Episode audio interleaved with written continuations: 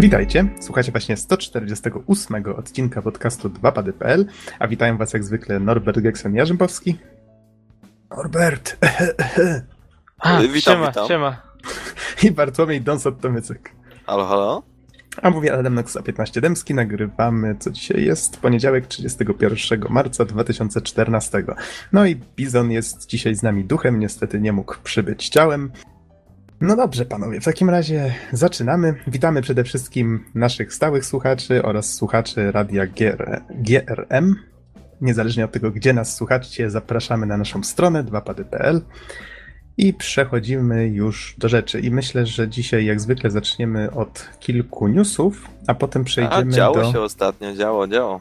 W branży. Zwłasz, zwłaszcza z Oculusem, co nie? Ale to za sekundkę jeszcze tylko powiem, że dzisiaj będziemy recenzować trzy rzeczy, a dokładniej będzie- Krzesło, stół od, Krzesło. od Ikei e, i biurko z, z dwoma montowalnymi szafkami.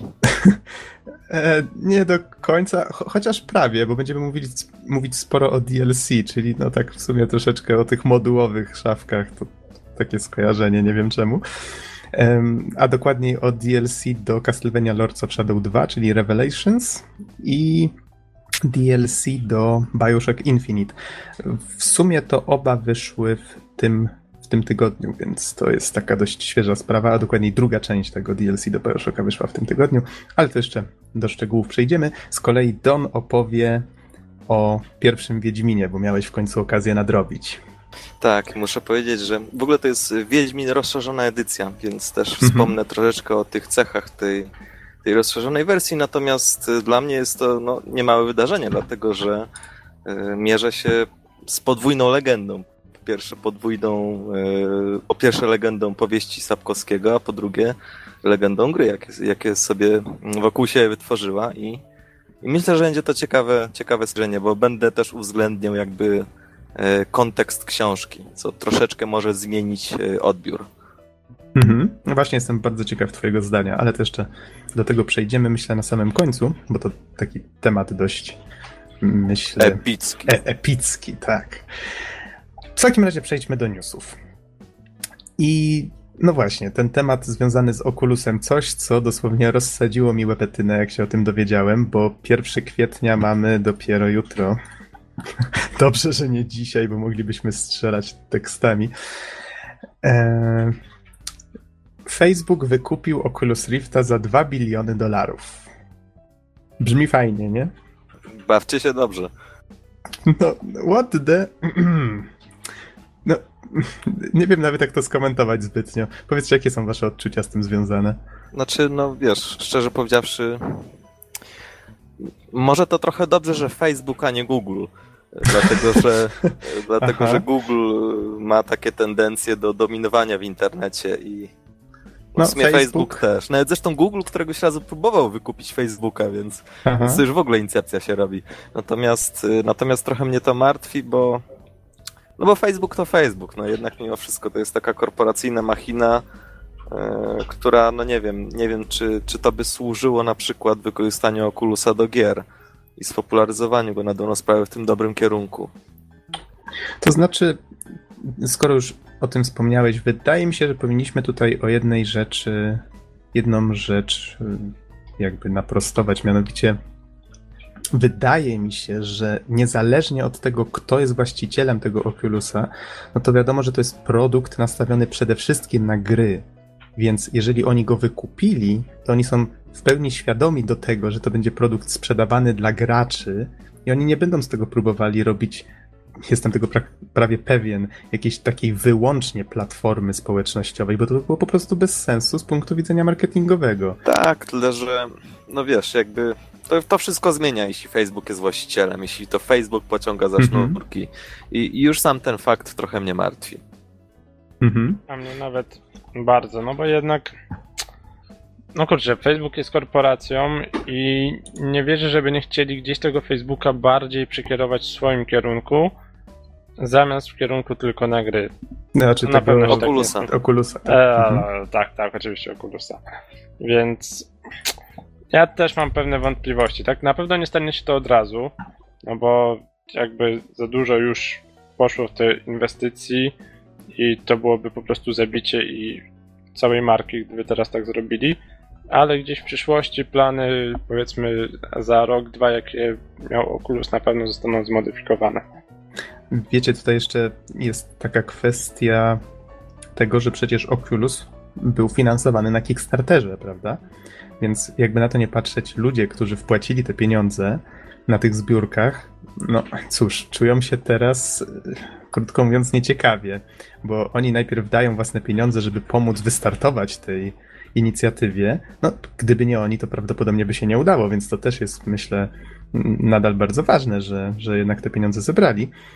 Ale jak się słyszy, że za 2 biliony został cały ten interes kupiony, przy czym jeżeli tutaj wierzyć newsowi na Kotaku, to wiązało się to z zapłatą pracownikom 400 milionów, prawdopodobnie na głowę, nie jestem pewien, czy dobrze to interpretuję, no ale to są tak kosmiczne sumy, że wow. Wow. Po prostu. No, wow. Wiesz, to w zasadzie pokazuje tylko, y, tylko na ile ten projekt ma potencjał i w zasadzie na ile ma już taką pewną bazę zbudowaną, na której da się odnieść sukces. W zasadzie to jest jedna z nielicznych E, inicjatyw tego typu, która wybiła się do tego stopnia, że no nie wiem, choćby widoczne jest to w tym, e, jakby w tym aspekcie, że jeśli wpiszesz na YouTubie Oculus Rift, to, to cała masa blogerów, vlogerów, e, youtuberów już z tego korzystała, już prezentuje tego możliwości i wydaje mi się, że to urządzenie już, już wchodzi tak trochę do, do powszechnej świadomości, no i w związku z tym Facebook zwęszył interes. No i, no i jeśli dał za to 2 biliony, to znaczy, że to były tego warte pieniądze. Znaczy dwa, chyba na Polskę dwa miliardy. Bo Amerykanie mają tam A tak, inne tak. A dwa miliardy, bo biliony no, to już w ogóle byłoby. No dwa biliony to solidny byłby biznes faktycznie. Nie teraz. No w każdym razie i tak dwa miliardy to jest. O, już mnie nie słychać podwójnie dobrze. Dwa miliardy to i tak jest kwota wysoka, ale no jeśli Facebook tyle wyłożył, to myślę, że nie bezmyślnie. Mhm. Tutaj jeszcze tak wynotowałem sobie kilka cytatów z cdaction.pl, bo pojawiła się cała seria newsów z tym związana.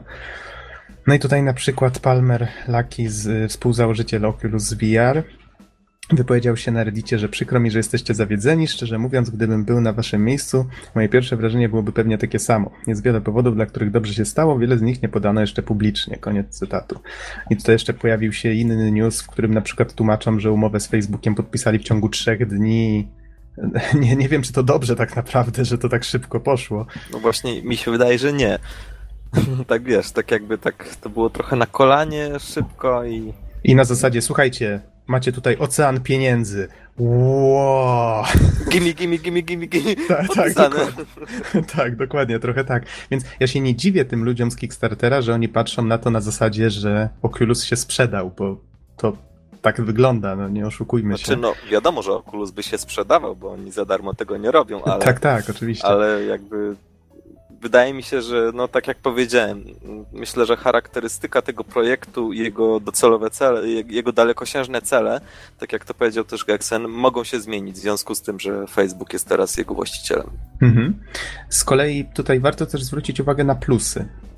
Przede mhm. wszystkim oni w tej chwili mają tutaj, tutaj zresztą w tym newsie właśnie o tym podpisaniu umowy w trzy dni też jest o tym mowa. To odsyłam do tego, jeżeli ktoś jest zainteresowany szczegółami, ale Facebook podpisując tę umowę z nimi powiedział im wprost, że oni będą mieli w tej chwili olbrzymie zaplecze finansowe z ich strony i oni nie będą musieli już na przykład zdobywać części w jakiś kosmiczny sposób. Tutaj gdzieś wyczytałem, że oni wyciągali czasami z telefonów części jeszcze na początku, może nawet teraz, nie jestem pewien, jak zaczynali. Tylko teraz będą mogli sami sobie produkować te części do prototypów kolejnych, usprawniać to wszystko. Więc cała ta impreza będzie szła dużo, dużo szybciej. Oni będą w stanie te prototypy usprawniać na własny koszt, faktycznie będzie ich na to stać i prawdopodobnie ta technologia dzięki temu będzie faktycznie powstawała szybciej, lepiej i no wiecie, po prostu będą stały za tym pieniądze. Więc myślę, że to jest to jest krok w dobrym kierunku. Tylko jedna rzecz mnie zastanawia, mianowicie oni tak na razie podchodzą do tego bardzo hura optymistycznie, na zasadzie super, mamy środki, żeby to robić. No wiadomo, ci ludzie robili to z pasji, prawda? Teraz jeszcze dano im do tego zasoby. Ale nie Tylko- mają niezależności już. Tak, i nie wiem, czy oni zdają sobie z tego do końca jeszcze sprawę. No bo w ciągu trzech dni to ciężko przemyśleć wszystkie za i przeciw, prawda? Zwłaszcza Bo- jeśli pojawiają ci się zamiast oczu dolary. Ma kwacz. Teraz jakoś jak sobie wyobraziłem Sknerusa z tym dzyń, dzyń, dzyń, dzyń. Ja sobie wyobraziłem Sknerusa, który wyciąga takie dwa wory pieniędzy. W każdym, w każdym razie, wiecie, w korporacyjnym świecie różne rzeczy się dzieją. Za kilka lat może się okazać, że faktycznie Facebook będzie miał jakiś, no albo odwiedzi im się, nie? Coś będą mieli tak, jakiś taki własny pomysł. I powiedzmy, ktoś w tym Oculus VR na przykład stanie mm, okoniem, powie, że nie, wydaje nam się, że to nie jest dobra strona, yy, w którą moglibyśmy z tym iść. No cóż, no to zbierają się udziałowcy, prawda? No to temu panu już dziękujemy. Tak naprawdę szybko może się okazać, że ludzie w Oculus VR zostaną zastąpieni kimś zupełnie innym i tak na dobrą sprawę to już będzie miało mało wspólnego z tym, co było na początku, prawda? Więc oni tak naprawdę nie mają już prawdopodobnie nad tym żadnej kontroli i chyba jedyny plus, jaki, jaki mają osobiście z tego, no to to, że są właściwie ustawieni do końca życia z tym morzem pieniędzy, jakie dostali, Mogą prawda? zrobić własnego może. Zrobimy sobie sami. Więc różnie to się może potoczyć, no ja im życzę jak, naj, jak najlepiej. No ale to trzeba brać pod uwagę, że to jest już jednak ten korporacyjny świat i tutaj różnie, różnie są interesy załatwiane, prawda? E, A tutaj jeszcze możemy wspomnieć w sumie o takim temacie pokrewnym troszeczkę. Od razu tak dziwnym zbiegiem okoliczności y, za, zareklamował się jakiś produkt, nie jestem pewien, czy wcześniej o nim słyszałem, True Player Gear.com, tak to się nazywa. I to, to się chyba nazywa jeszcze Totem, ten, ten, to urządzenie do VR-u. Nie jestem pewien, czy, czy to jest nazwa oficjalna, czy nie, ale mm, przyglądaliście się temu, jak to wygląda?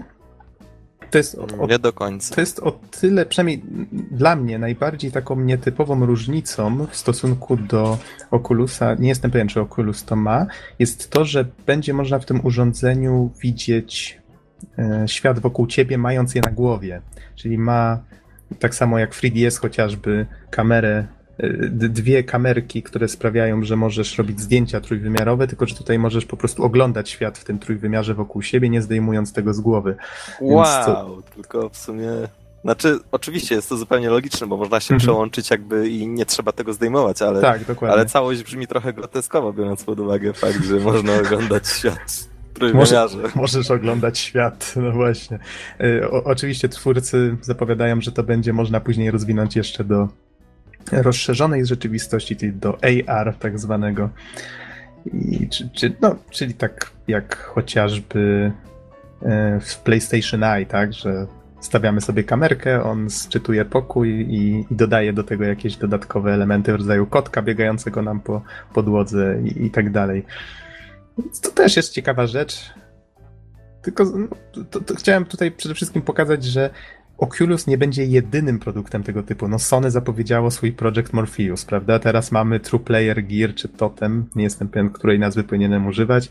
Mamy Oculusa, więc tak na dobrą sprawę widać, że to się zaczyna robić duży biznes i mam nadzieję, że to faktycznie w końcu stanie się sensowną inwestycją, że będzie się opłacało kupić coś takiego, mieć to w domu i że to faktycznie będzie wspierane.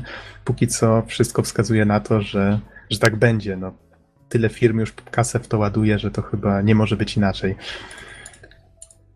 I jeszcze taka jedna ostatnia rzecz z tym związana, chociaż taka już trochę na, na granicach pudelka. O, wiecie, wielcy tego świata się wypowiadają na Twitterze, to trzeba o tym, o tym powiedzieć, nie? No, czy zabrał swoją piłkę do domu. tak, dokładnie o tym chciałem powiedzieć. E, Innymi słowy, na wieść, że, mm, że właśnie Facebook wykupił Oculusa, Notch ogłosił oficjalnie, e, że, że w takim razie odwołuje Minecrafta e, pomyślanego specjalnie właśnie z, z VR. Mhm. Tutaj sprawa jest troszeczkę głębsza. Śledziłem troszeczkę tę sprawę. E, Zaraz potem oczywiście, znaczy on tutaj napisał w, e, w, na Twicie, że Facebook creeps me out, czyli że go trochę przeraża, tak? Nie, nie wiem, czy to dobrze Mhm. przetłumaczyłem. Z kolei Bleszyn, Cliff Bleszyński, były znany jako jeszcze do niedawna jako pracownik Epic Games, wypowiedział się w ten sposób, że Notch, twoja decyzja o anulowaniu Minecrafta sprawia, że wyglądasz jak nadąsany dzieciak, który bierze piłkę i idzie do domu. To niedojrzały i małostkowy ruch, który bardzo mnie zasmucił. Koniec cytatu. On tutaj jeszcze się oczywiście wypowiadał na temat tego, że według niego e, a, może zacytuję. Kiedy opadnie kurz, moje serce nadal stwierdzi, że naprawdę autentycznie zależy mi na VR i chcę tego osobiście doświadczyć i się tym cieszyć. I mam wiarę w to, że nadal się to wydarzy i że będzie lepsze niż kiedykolwiek. Koniec cytatu. Czyli jakby mm, nie, nie przejął się aż tak mocno tym, tym przejęciem. Znaczy, no, jak dla mnie to jest kwestia ideologiczna, tak? Mhm. Mianowicie to, co Facebook robi z, z naszymi danymi, to jest troszkę ci, którzy się tym interesują, to wiedzą, ile można z tego wyciągnąć, że sektory, czy to ubezpieczeniowe, czy bankowe, czy wszystkie inne badania tak naprawdę w tym momencie można na podstawie Facebooka zrobić. Czy ci, którzy kiedyś się reklamowali na Facebooku, wiedzą, jak dokładnie jest mechanizm targetowania reklamy. No i to, to jest na swój sposób przerażające. I tam Notch też nie tylko powie, tam zabrał piłeczkę do domu, ale też powiedział, że, e, że po prostu cała idea Facebooka i tego, co robią z tymi danymi, jemu też się nie podoba i to jest też jeden z powodów, tak? Mhm. Więc... Tutaj jeszcze jak, jak możemy dodać do tego teorie spiskowe, chociaż no w tej chwili to są bardziej fakty potwierdzone dokumentami, prawda? Czyli całe to współpracowanie z NSA, Google'a i, i, Facebooka, więc no ale to już tak na marginesie, prawda? No ale jakby na to nie patrzeć, to może być kolejne narzędzie kontroli. No ale to można Nie no, to jest oczywiste. Wszystko. Bodajże nawet e, dane z Facebooka były wykorzystywane w jakichś postępowaniach, więc, więc nie jest to nic nowego. Natomiast e, mhm. słyszałem kiedyś o takiej, no jeśli już psioczymy na Facebooka, to mi się przypomniał taki jeden fakt. E, Facebook chciał przepchnąć taką zmianę regulaminu któregoś razu, która by pozwalała mu sprzedawać e, wybrane zdjęcia użytkowników jakimś na przykład kompaniom reklamowym, czyli jakby ktoś, kto wrzuca zdjęcie, od razu zrzeka się do niego praw. Teraz to na szczęście nie przeszło. E, spotkało się z dezaprobatą użytkowników i w sumie, i w sumie dobrze. A to nie mhm. wiem, czy wiecie, ale jeżeli wrzucacie coś na Google'a, to, to wygląda tak. W regulaminie Gmaila tego nie ma, za to w regulaminie Google Drive'a jest, że wszystkie zdjęcia i wszystko, co umieścicie na Google Drive może zostać umieszczone, e, przepraszam, przekazane firmom trzecim e, i wykorzystywane przez Google tym we wszystkich możliwych wariantach, w tym w materiałach reklamowych. I jest też zapis właśnie gdzieś tam taki już małym druczkiem, że wszystko, co umieszczacie, w sensie cała wasza korespondencja jest także częścią Google Drive'a. Więc tak naprawdę wasze maile mogą zostać odsprzedane. Bawcie się dobrze. Hej! Nie tak, pocieszyłeś mnie wcale. Tak, tylko zwrócę uwagę na to, że Microsoft, który jest uznawany za tą złą korporację, nie ma takich zapisów swoich tych i Hotmail jest jakby prywatną własnością użytkownika. Mhm. A to jeszcze, żeby domknąć tą sprawę właśnie z Minecraftem, Tutaj nie, nie znalazłem akurat tego newsa, w którym to czytałem. E, ktoś właśnie z Oculus VR wypowiedział się, że właściwie no, okej, okay, że Notch anulował coś, nad czym prawdopodobnie w ogóle nie zaczął pracować. To tam mia miał jakieś podstawy, dlaczego tak sądził. E, Notch potem znowu odpowiedział, że powstawały jakieś prototypy tego Minecrafta, jednak tutaj mam taki news otwarty, w którym napisał, że odpowiedział Cliffiemu B, może tutaj zacytuję Cliffy B. Jeden z inwestorów Oculusa nazwał mnie nadąsanym dzieciakiem, bo anulowałem Minecrafta. A żebyście wiedzieli, że jestem. Poza tym piłką, którą zabrałem do domu była potencjalna darmowa wersja Minecrafta zaprojektowana po to, by promować VR. Koniec cytatu. Czyli wydaje mi się, że on to zrobił po to, no wiecie, kto, mu, kto bogatemu zabroni, prawda? Chciał to zrobić po prostu po to, żeby pomóc promować ten VR. Jak się okazało, że on tej promocji już nie potrzebuje, bo teraz już ma tyle pieniędzy, że właściwie to takie wsparcie nie, niewiele znaczy, prawda? No, postanowił po prostu się z tego wycofać. No, pomijając tutaj fakt jakby osobistych preferencji, prawda, i tego, co się sądzi o Facebooku i, i właśnie tych danych i o tym, co wspomnieliście. Czyli to jest jakby, jakby tyle w temacie. Powiedzcie, mieliśmy czy... teraz trochę pudelka, trochę teorii spiskowych, tak. trochę dyskusji o VR. Tak się przedstawiają nasze newsy dzisiaj. A jest jeszcze jeden w sumie, ale taki bardzo, bardzo wesoły. Mianowicie na... O, to dobra odmiana. Znaczy, przepraszam, jest to o Originie, to dla niektórych nie są wesołe newsy, jeżeli O. są o Originie. Można dostać pierwszego Dead Space'a za darmo. Jeżeli O. się... Do 8 maja, z tego co widzę, jest dostępny. Jeżeli ktoś nie grał, ja polecam. Gra jest naprawdę bardzo, bardzo fajna.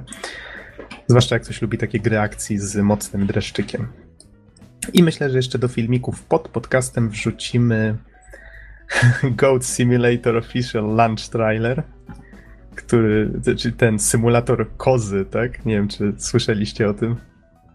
Mm, niestety nie. Twórcy zrobili coś, nie jestem pewien na czym to oparli, ale to miał być taki dowcip, że latasz kozą i, i robisz różne dziwne rzeczy i to było tak niedopracowane. Powiedzmy, samochód cię uderza, ty fruniesz przez pół mapy, yy, możesz wchodzić po drabinie tą kozą i widzisz jak animacja wariuje, głowa gdzieś tam lata, te, tego typu rzeczy.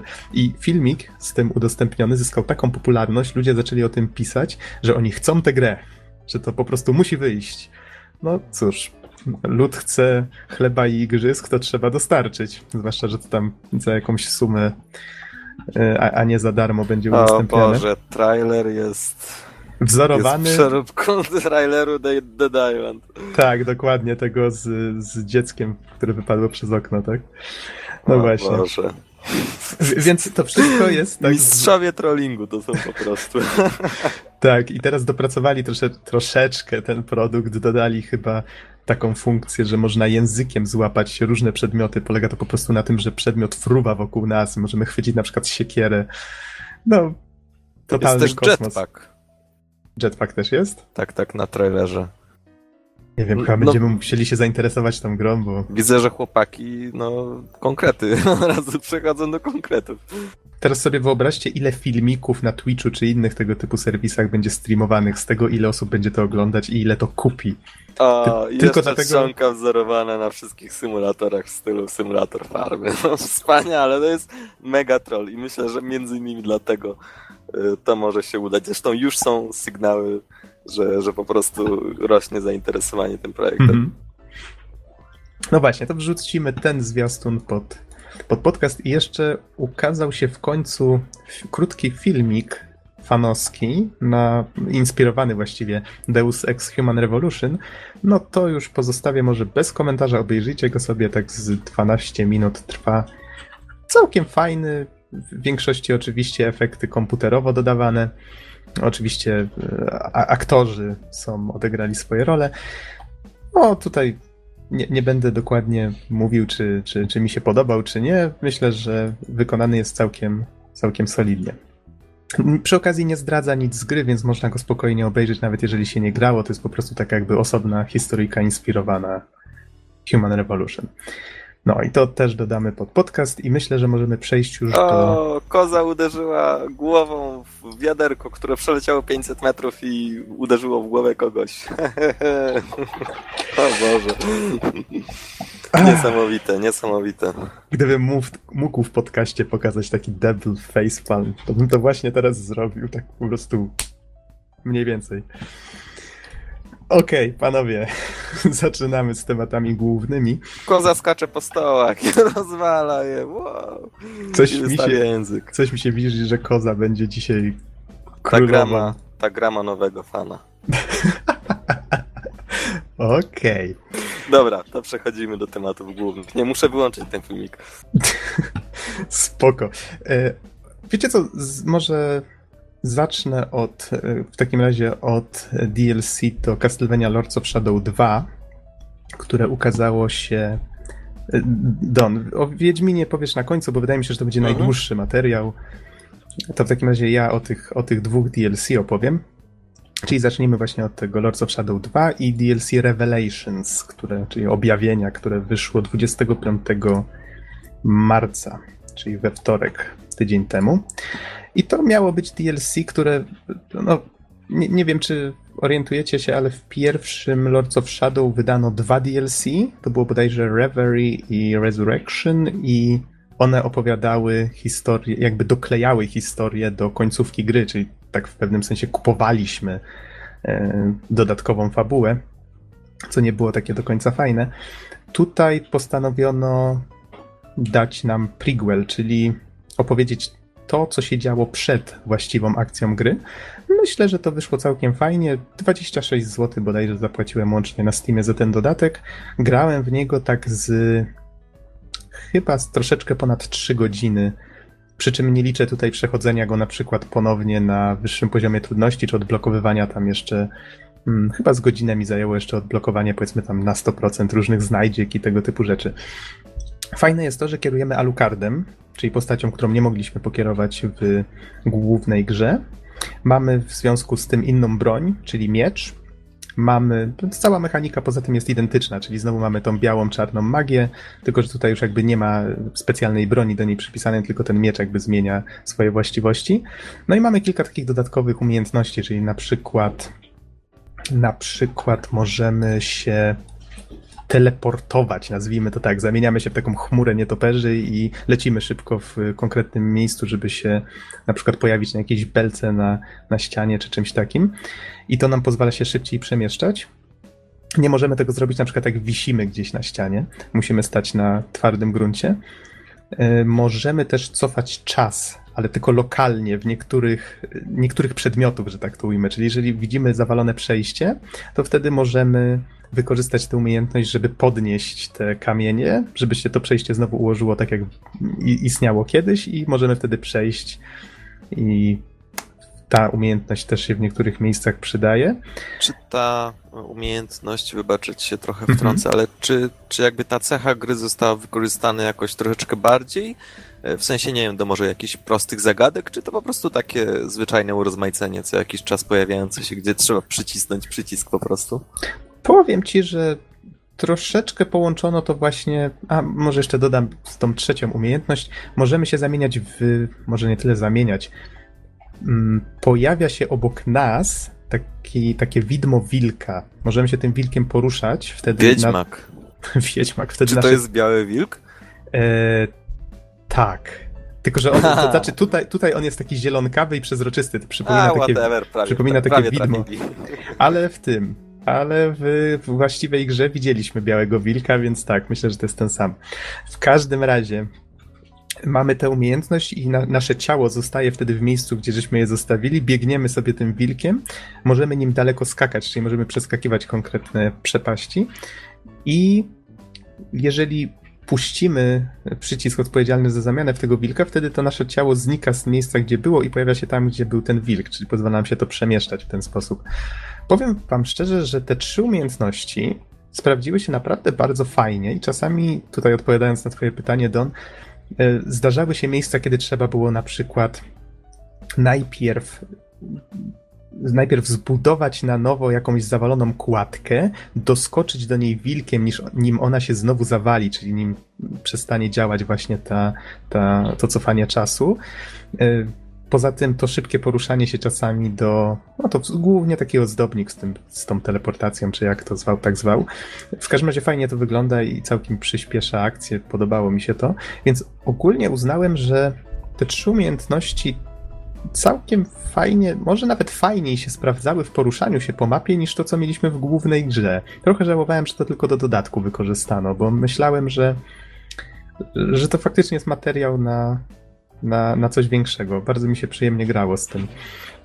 Walka oczywiście jest taka, tak efektowna i tak stworzona jak była. Nadal wykupujemy sobie ciosy, nadal możemy ten nasz miecz wylewelować do trzeciego poziomu. Dodano właściwie dwie nowe lokacje, w obrębie tego czasu, co podałem.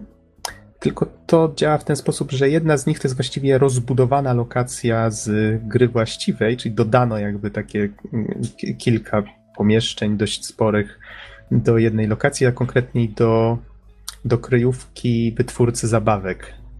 To są takie dość kolorowe lokacje, całkiem fajne i usiane ładnym detalem, więc to mi się akurat podobało. E, I dodano jeszcze takie korytarze, taką część zamku, której nie było w, e, w oryginale, ale wydaje mi się, że ona i tak była złożona po części z elementów, które już były obecne. E, tylko, że było tam kilka fajnych pomysłów. Na przykład wiele miejsc w tej lokacji jest zalanych krwią do pewnego poziomu, takiej, taką toksyczną krwią, do której nie możemy wpaść. I możemy na przykład podwyższać poziom tej krwi, obniżać takimi specjalnymi ołtarzykami. I tam też jest troszeczkę takich prościutkich zagadek na tym oparte. W każdym razie grało mi się w ten dodatek całkiem fajnie. Z tego co pamiętam, chyba dwie walki z bossami są nowe, mogę się mylić.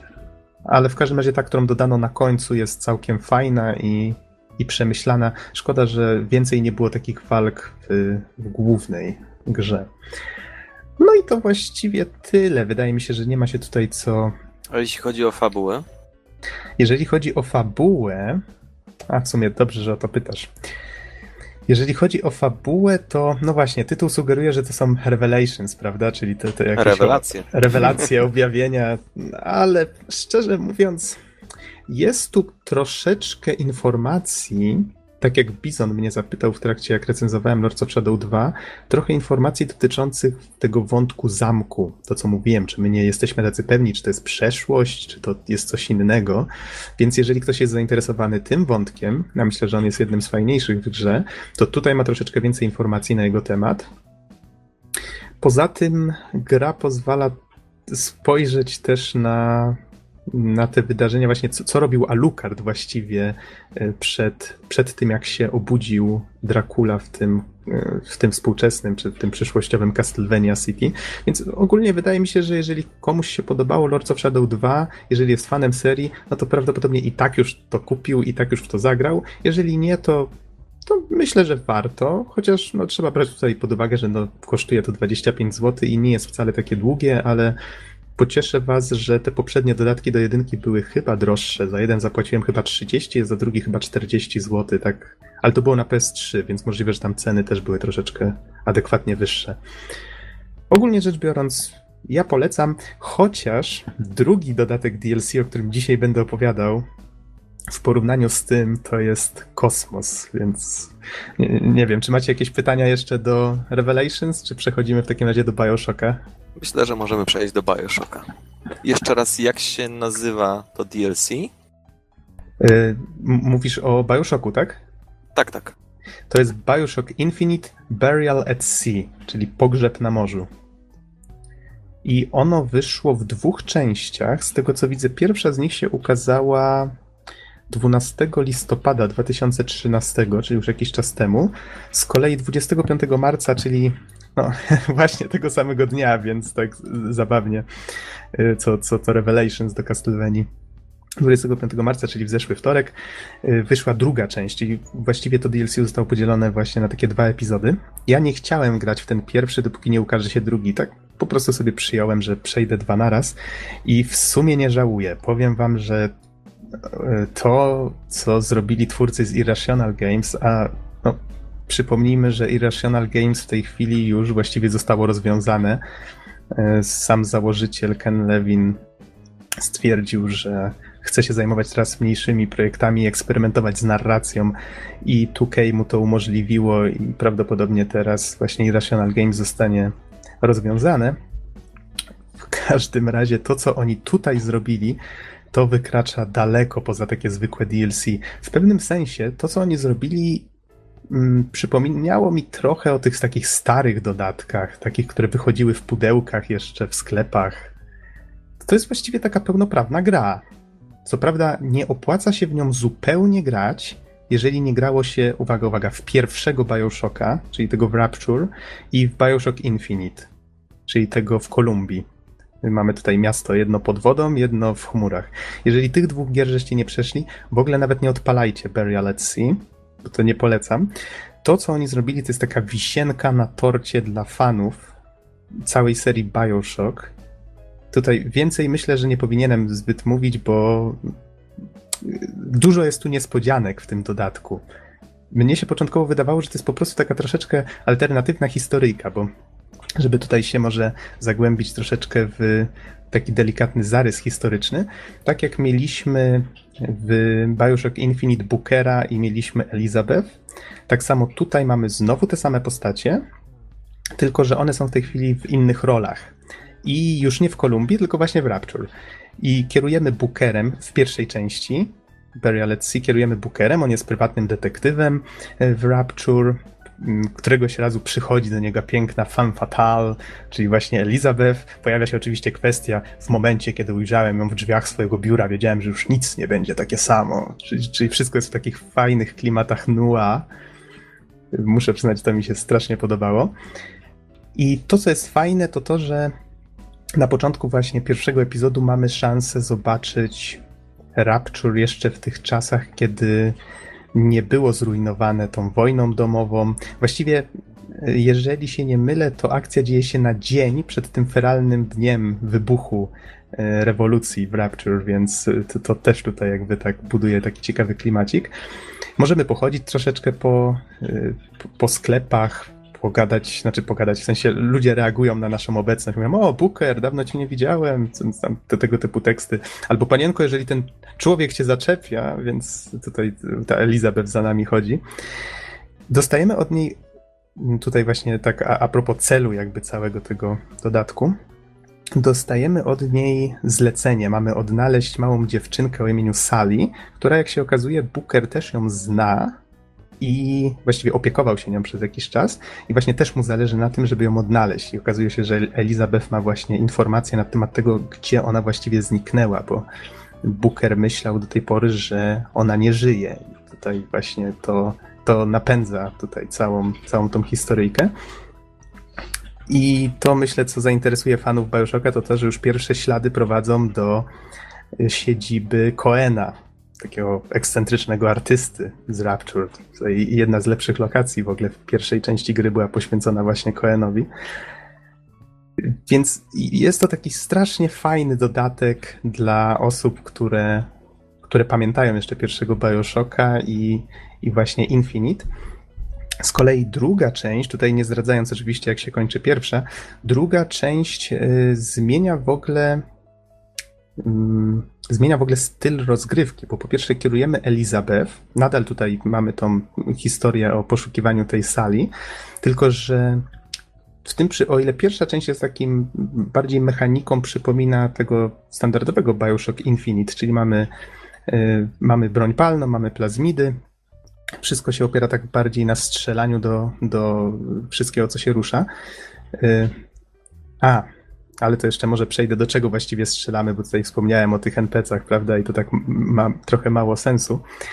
Y, z kolei, tylko skończę myśl, z kolei w drugim dodatku mamy skradankę, czyli jest dużo większy nacisk położony na to, żeby unikać przeciwników, żeby ogłuszać ich albo usypiać strzałkami usypiającymi z takiej specjalnej kuszy. Mamy też oczywiście broń palną, ale twórcy nie zachęcają zbytnio do tego, żeby z niej korzystać. Nawet gra ma taki tryb, który został nazwany trybem 1998. Nie jestem pewien, ale czy przypadkiem w tym roku nie wyszedł Thief pierwszy? Chyba jakoś tak. Musiałbym to sprawdzić. Zapomniałem to zrobić przed podcastem. Ale wydaje mi się, że to jest taki hołd troszeczkę do serii Thief. W każdym razie jest taki tryb i on zachęca do tego, żeby właśnie przejść grę tylko korzystając z nie, niezabójczych metod. Tak, e, pierwszy Thief powstał w 98.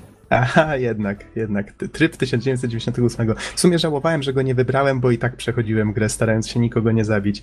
I powiem wam, że strasznie fajnie mi się w to grało. Tak nawet stwierdziłem, że to jest chyba lepszy gameplay niż, niż w takim standardowym Bioshocku. Nie wiem czemu, może to jakieś moje osobiste preferencje, albo, a, albo po prostu podobało mi się to, że przeciwnik trafiony jedną kulą, czy tam tutaj strzałką usypiającą, albo z gazem, bo są różne. Są też y, takie możemy rozbrajać zamki, no bo Elizabeth, jak być może niektórzy pamiętają z Bioshock Infinite, zajmowała się tym. No i w tej chwili mamy taką minigierkę, która pozwala nam rozbrajać zamki. Jeżeli zrobimy to w odpowiedni sposób, to uzyskujemy, możemy albo uaktywnić alarm, albo nic nie zrobić, albo odzyskać jeszcze ten dzwonek z alarmu, który wykorzystujemy do wystrzelenia go właśnie taką kuszą, żeby zwabić przeciwników w konkretne miejsce. Taki fajny bajerek. I powiem wam, że podobało mi się to, że właśnie przeciwnik trafiony taką strzałką od razu padał. Jakoś średnio mi pasuje to w normalnym Bioshocku, że yy, powiedzmy strzelamy i przeciwnik ma jakiś pasek energii, który ubywa. No tak chociażby, żeby daleko nie szukać jak w Borderlands. Nie wiem czemu w strzelankach średnio mi to pas rozwiązanie pasuje.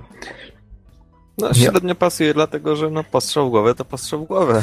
No tak, tak, I dokładnie. wtedy te wszystkie postacie jakby wydają się być no, bardziej wytrzymałe niż powinny. Chociaż powiem ci, że strzał w głowę akurat yy, i tak jest dość silny. Więc nawet jak grałem Bookerem właśnie w tym pierwszym epizodzie, bo ja tutaj w Bioshock Infinite, no to grałem kiedy? Rok temu? Już zdążyłem zapomnieć, kiedy gra właściwie wyszła, ale już otwieram sobie ściągawkę. To był marzec 2013. Tak, no to było, to było rok temu. Więc dość sporo żeśmy czekali na te dodatki. Ja miałem Season Pass, więc E, więc dostałem je za darmo. One tam ileś kosztują. Jeżeli możesz Don sprawdzić, to sprawdź, ile na Steamie kosztuje ten Burial at Sea w obu mhm. częściach. A ja będę kontynuował swój wywód na ten temat. Ok, czyli wspomniałem tutaj o, o mechanice, o tym, że się troszeczkę różni. Myślę, że to jest jakby takie kluczowe w tym wszystkim. Jeżeli chodzi o fabułę, to jeszcze mm, jedną rzecz tutaj muszę dodać, bo wspomniałem, że strzelamy do różnych rzeczy i tak dalej, a ta rewolucja tak na dobrą sprawę jeszcze się nie zaczęła, bo jak w Bioshocku żeśmy trafili do Rapture, no to już tam właściwie ci ludzie którzy nadużywali tych plazmidów zamienieni w tych splicerów, o ile dobrze pamiętam, tak, tak to się nazywało.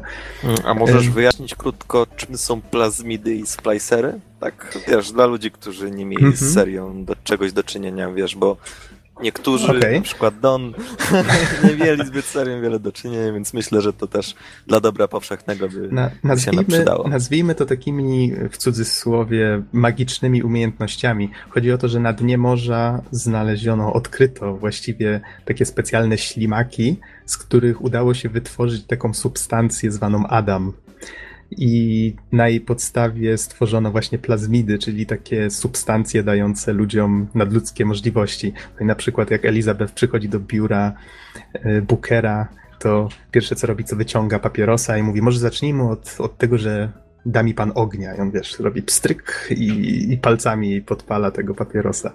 Więc to, to właśnie jest taka moc plazmidów. I one dają różne umiejętności, właśnie rzucanie ogniem, rzucanie powiedzmy jakimś zamrażającym pociskiem, Oczywiście tak samo jak w normalnym Bioshocku mamy tutaj czasami takie reklamy w rodzaju e, wykorzystuj nowe moce, żeby na przykład upiec kurczaka dla swojej rodziny dużo szybciej, prawda? Czyli to, to wszystko jest tak wplecione w ten świat, żeby, e, żeby to nie było tak, że to jest tylko zabójcza broń, prawda? Zależy jak ludzie to wykorzystują. I splicerzy to są tutaj troszeczkę właśnie wiedzy z podstawowego Bioshocka. Y, ludzie, którzy nadużywali tych, tych y, umiejętności, zaczynali się właśnie szprycować dosłownie tymi plazmidami, tym Adamem i w pewnym momencie ich ciało po prostu zaczęło mutować w taki sposób, że oni zaczęli się robić głupsi, tak wiesz, troszeczkę w takie zombiaki się zaczynali zamieniać.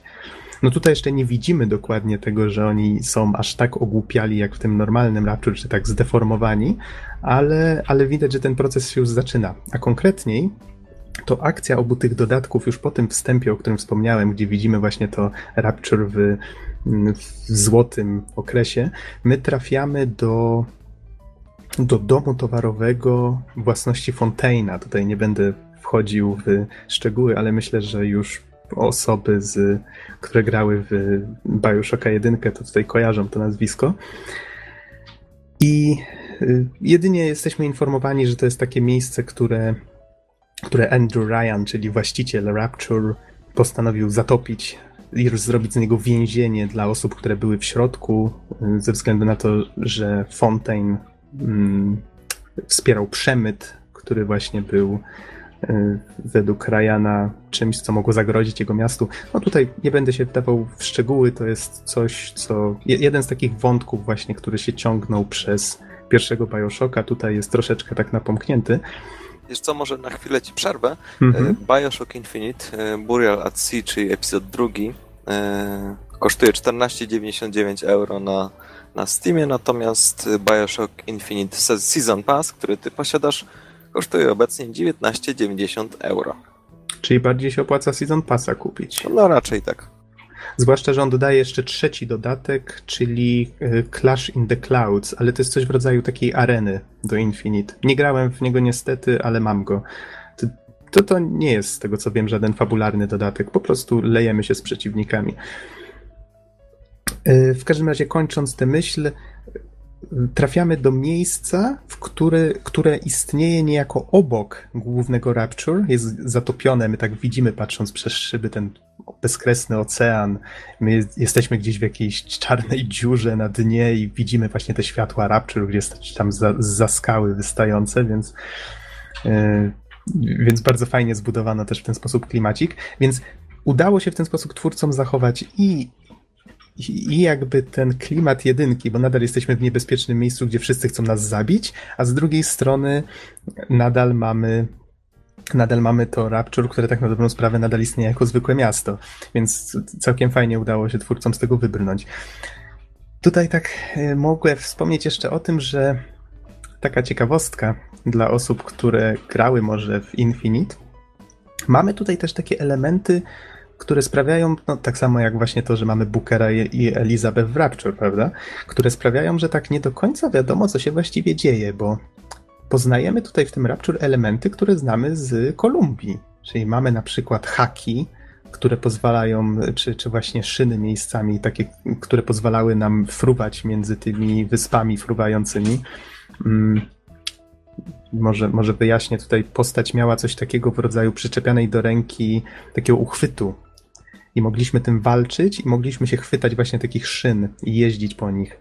No to tutaj miejscami mamy coś podobnego. I właśnie, wow, tak się człowiek zastanawia, to, to w końcu, co to w końcu jak to? To wygląda tak troszeczkę jakby, jakby tutaj mieliśmy, jakbyśmy mieli splecione jedno z drugim, co nie? Tak tutaj zostanę może przy tym, nie będę się wdrążał dalej w ten temat, ale powiem, że osoby, które skończyły Bioshock Infinite, to już powinny zacząć rozumieć, o co mi chodzi. I myślę, że kończąc już... A, rozumiem teraz. No, Gdybym do- grał w Bioshocka, to bym wiedział. Dokładnie o to chodzi. Ja też teraz już kumam. Kurde. Panowie, wy nie graliście w Bioshock Infinite. Ale czuję się, jakbym grał. Okej. W każdym razie, czy macie jakieś pytania? Bo już chciałbym kończyć. Myślę, że możemy powoli przechodzić do podsumowania. Mhm. To jeszcze wspomnę tylko tutaj, zaglądając w swoje magiczne notatki, czy o czymś nie zapomniałem. Ha, jeszcze mógłbym w sumie opowiedzieć o jednej świetnej scenie, która zaczyna drugi epizod, ale może zostawię wam ją do odkrycia. Naprawdę y, poziom drugiego epizodu w ogóle dorównuje temu, co widzimy w Bioshock Infinite. Pierwszy epizod nie jest aż tak, aż tak fajny, od razu muszę powiedzieć. On trwa jakieś trzy godzinki, z kolei ten drugi po prostu mnie zaskoczył, bo myślałem, że odpalę go sobie wieczorem i go po prostu skończę, bo no, chciałem go zrecenzować już teraz. Się okazało, że spędziłem przy nim całą noc, zajął mi 7 godzin i naprawdę poziomem jest równy temu, co widać w Bioshock Infinite. Jest po prostu świetny. Łącznie macie całe Burial at Sea w obu częściach trwa łącznie 10 godzin około, więc jest to naprawdę kawał porządnego dodatku. I no, tutaj właśnie tak jak mówię, boję się w, tak wciągać w te szczegóły fabularne, bo to jest jedna z fajniejszych rzeczy w tym dodatku. Myślę, że wszyscy, którzy grali w pierwszego Bioshocka i grali w Bioshock Infinite, tutaj dwójkę Bioshocka pomijam, ona była tworzona przez inne studio i chyba twórcy po prostu ją tutaj zignorowali, ale ci, którzy grali w te dwie gry, powinni koniecznie zagrać w Burial i mówię koniecznie, bo to jest taka wisienka na torcie całej tej serii i myślę, że to jest też takie pożegnanie y, Irrational Games z tą serią, takie domknięcie pewnych, pewnych wątków i to nie jest pod żadnym pozorem taki dodatek od tak, jakaś alternatywna historyjka, to jest naprawdę część tej serii i trzeba ją znać. Tylko nie polecam sięgać, jeżeli nie grało się w którąś z gier, o których wspomniałem. I myślę, że tym pozytywnym akcentem mógłbym skończyć tę recenzję, chyba że macie jakieś pytania.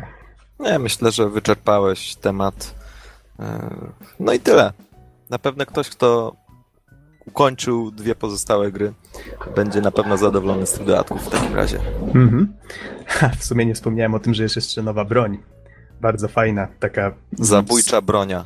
Y, Dosłownie, strzelająca mikrofalami, ale to tak jak trzymasz na przeciwniku y, przez powiedzmy jakieś dwie sekundy celownik wciśnięty, to tak fajnie wybucha. Tak.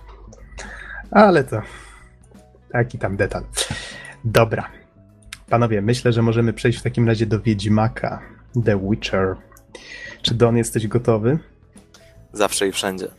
Okej, czy Więc chcesz tak. jakieś, jakieś informacje wikipedyczne? Chcesz, czy A niekoniecznie? możesz mi zarzucić na temat gry. Okej. A, nie wspomniałem jeszcze na jakie platformy to było dostępne. Na wszystkie. Tak, widzę, że PC, PS3, Xbox A co 360. Oprócz Wii U, tak. Wii U nie istnieje. Wii U nie istnieje. Z kolei Wiedźmak, tutaj już przechodząc do Wiedźmaka. Wiedźmak to był z 26 października 2007. Wow, ile to już czasu zdążyło minąć. I wyszedł na PC-ta i Maca. Pierwszy Wiedźmak niestety nie wyszedł na konsolę, chociaż były takie plany. Ale to jest trochę długa historia, więc może innym razem. No właśnie, wiecie co? Ta recenzja w ogóle dla mnie, tak jak powiedziałem na samym początku podcastu, jest dosyć, no, wielkim przeżyciem, dlatego że muszę się zmierzyć z dwoma legendami, e, które się wytworzyły wokół, wokół tych dwóch e, produktów, przy czym e, legenda gry najpierw musiała się zmierzyć z legendą prozy Sapkowskiego, więc to jest prawdziwa incepcja. Właściwie wszystko się zaczęło e, we wczesnych latach 90., kiedy to Sapkowski e, napisał pierwsze opowiadanie pod tytułem Wiedźmin, który zresztą, e, którego zresztą końcówka została przedstawiona bardzo fajnie w grze, jako intro. Niemalże dokładnie z tym detalem. Wkrótce potem powstały dwa tomy opowiadań. Ostatnie życzenie i miecz przeznaczenia. No ale oczywiście to nie jest wszystko, dlatego że dalej e, w kolejnych e, latach, właśnie lat 90., powstało pięć książek. Tym razem pięcioksiąg e, jest właściwie tworzy spójną historię. Wcześniej to były zbiory opowiadań, teraz, teraz do 99 roku pięć książek opowiadało właściwie kompletną, pełną historię. No i oczywiście jest też Sezon Bush, który wyszedł w 2013 roku jest w sumie takim prequelem między pięcioksiągiem i zbiorem opowiadania, ale na razie, na razie myślę, że nie ma sensu o tym opowiadać. Warto powiedzieć, że świat książki, który wykreował Sapkowski, mm, to jest takie dark fantasy, czy realistyczne fantazy. To znaczy, no wiecie, e, w Heroesach na przykład, które wszyscy znamy, E, wyruszamy bohaterem na przygodę. Wchodzimy na zaczarowaną łąkę, spotykamy e, kolorowego, pięknego jednorożca, który wręcza nam magiczny topór i zleca zadanie, by udać się na koniec zaczarowanej tęczy i zawalczyć ze złym czarownikiem. E, tutaj po pierwsze, mm, jakby ten cały ten świat jest y, bardziej oparty na realiach, to znaczy istnieje magia, e, istnieją magicy, a także potwory i jakby no, miejsca przeklęte i tak dalej, ale wszystko to zostało raczej, mm, raczej ujęty taki bardziej realistyczny klimat.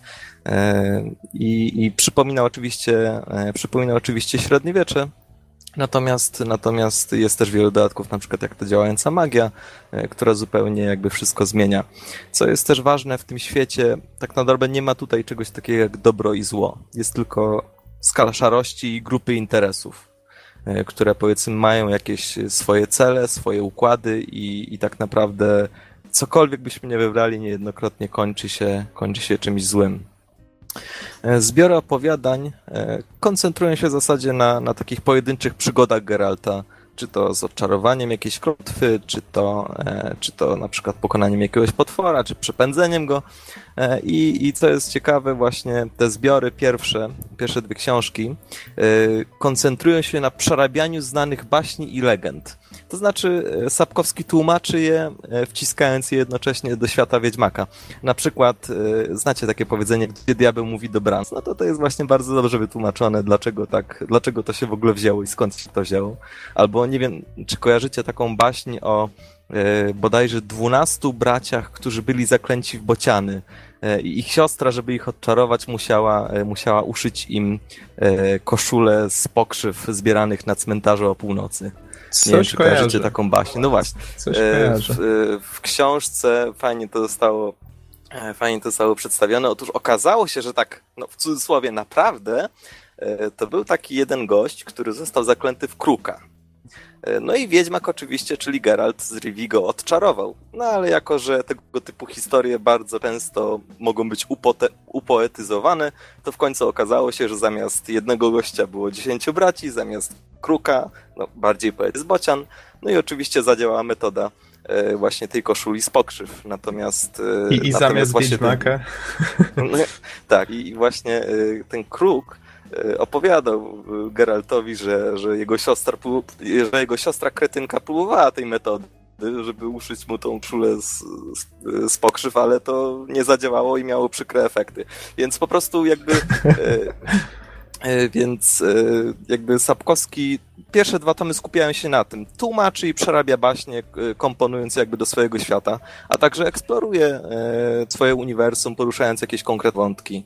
Więc, więc na przykład podejmowanie kwestii etycznych, mniejsze zło, co jest też mocno eksplorowane także w grze.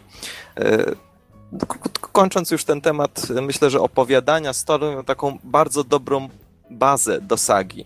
No i właśnie Pięcioksiąg to jest, tak jak powiedziałem, zwarta opowieść, która koncentruje się wokół dwóch postaci na dobrą sprawę, a w zasadzie to wokół jednej, wokół Ciri. E, Geralt wiąże się z, z nią przeznaczeniem, dlatego że ona jest jego dzieckiem niespodzianką. A Ciri to jest starsza krew, źródło i jednocześnie księżniczka Cynthii takiego państwa. E, dobra, a, a, a mhm. takie pytanko, jeżeli mogę się wtrącić. E, tak, a propos plazmidów i, i nieznajomości. Mm. Czym jest dziecko niespodzianka? Ja niestety nie czytałem książek. E, a powinieneś wiedzieć, bo w grze o tym jest mowa.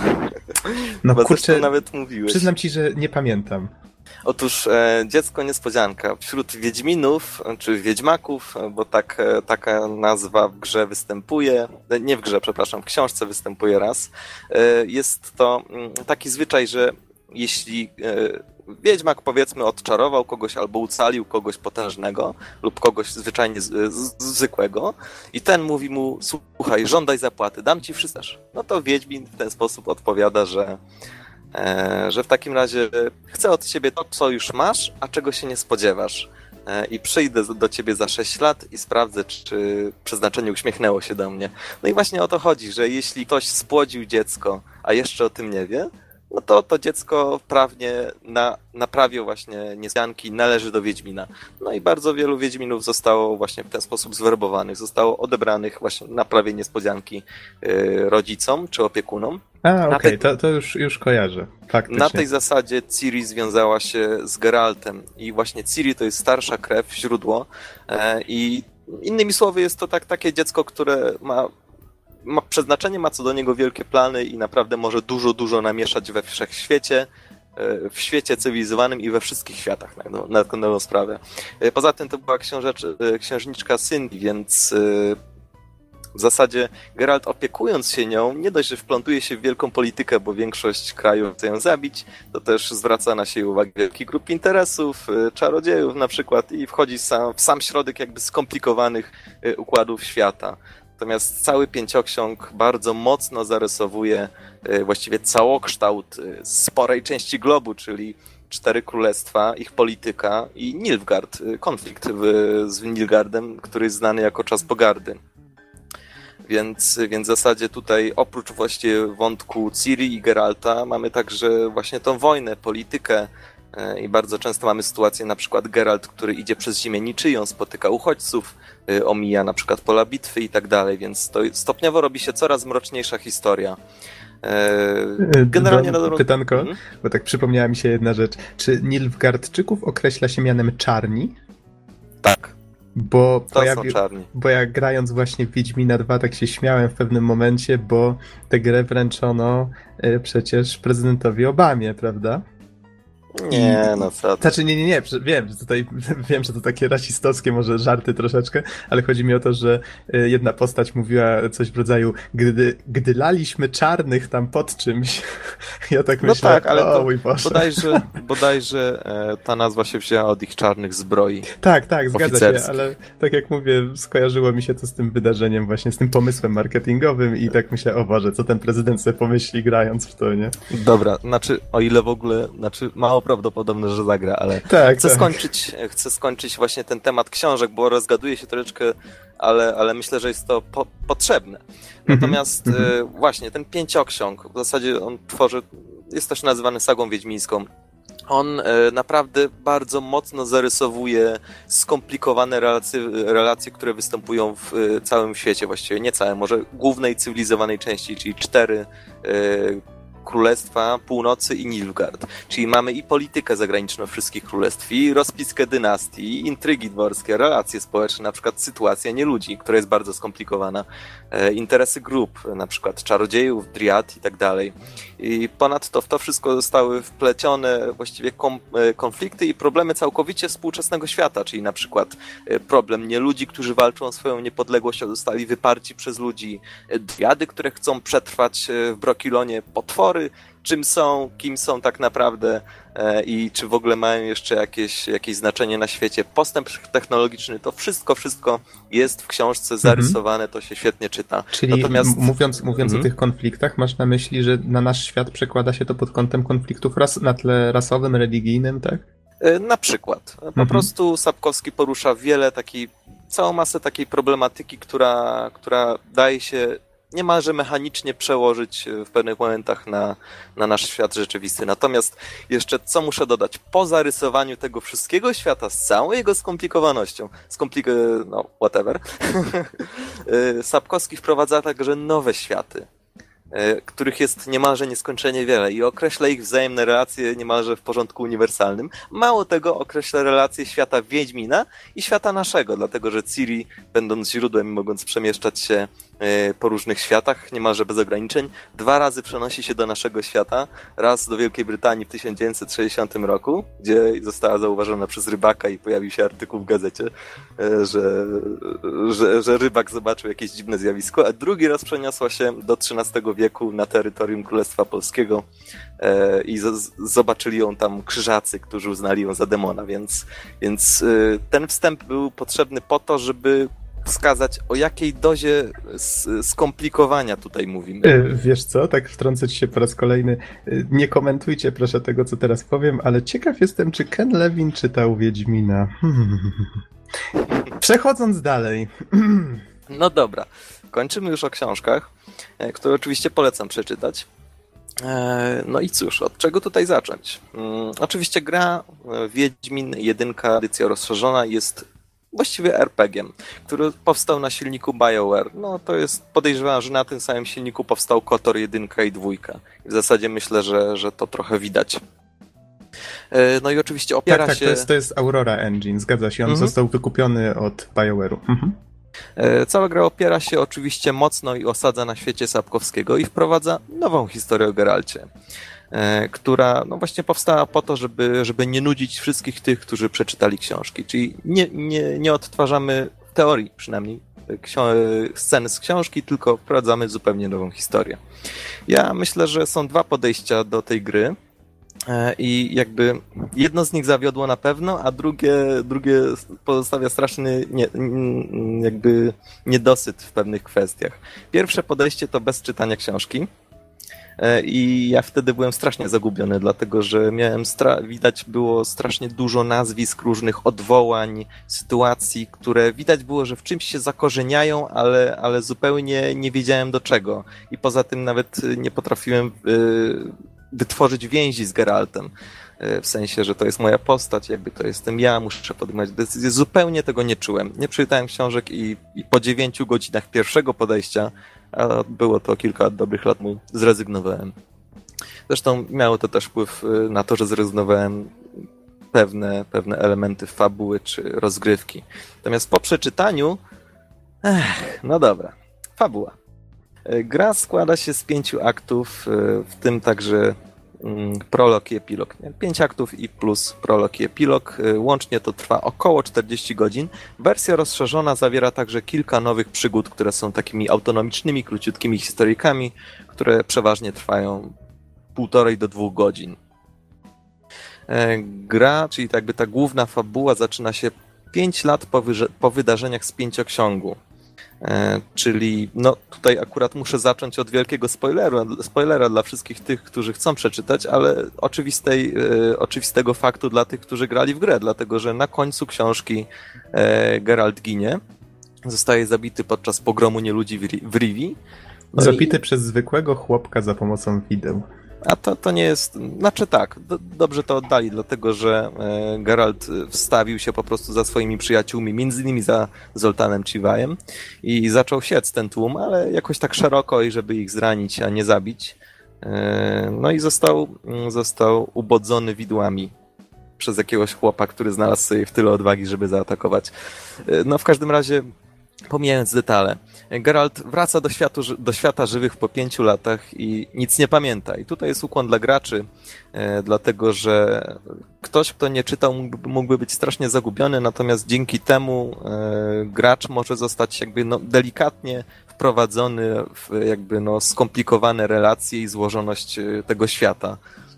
I to jest dobry zabieg, powiedziałbym, ale, ale z drugiej strony wymusza to po pewną powtarzalność. To znaczy rzeczy, które są oczywiste w książce, muszą się zdarzyć ponownie w grze, bo, bo gracze na przykład nie mieli do czynienia e, z nimi wcześniej.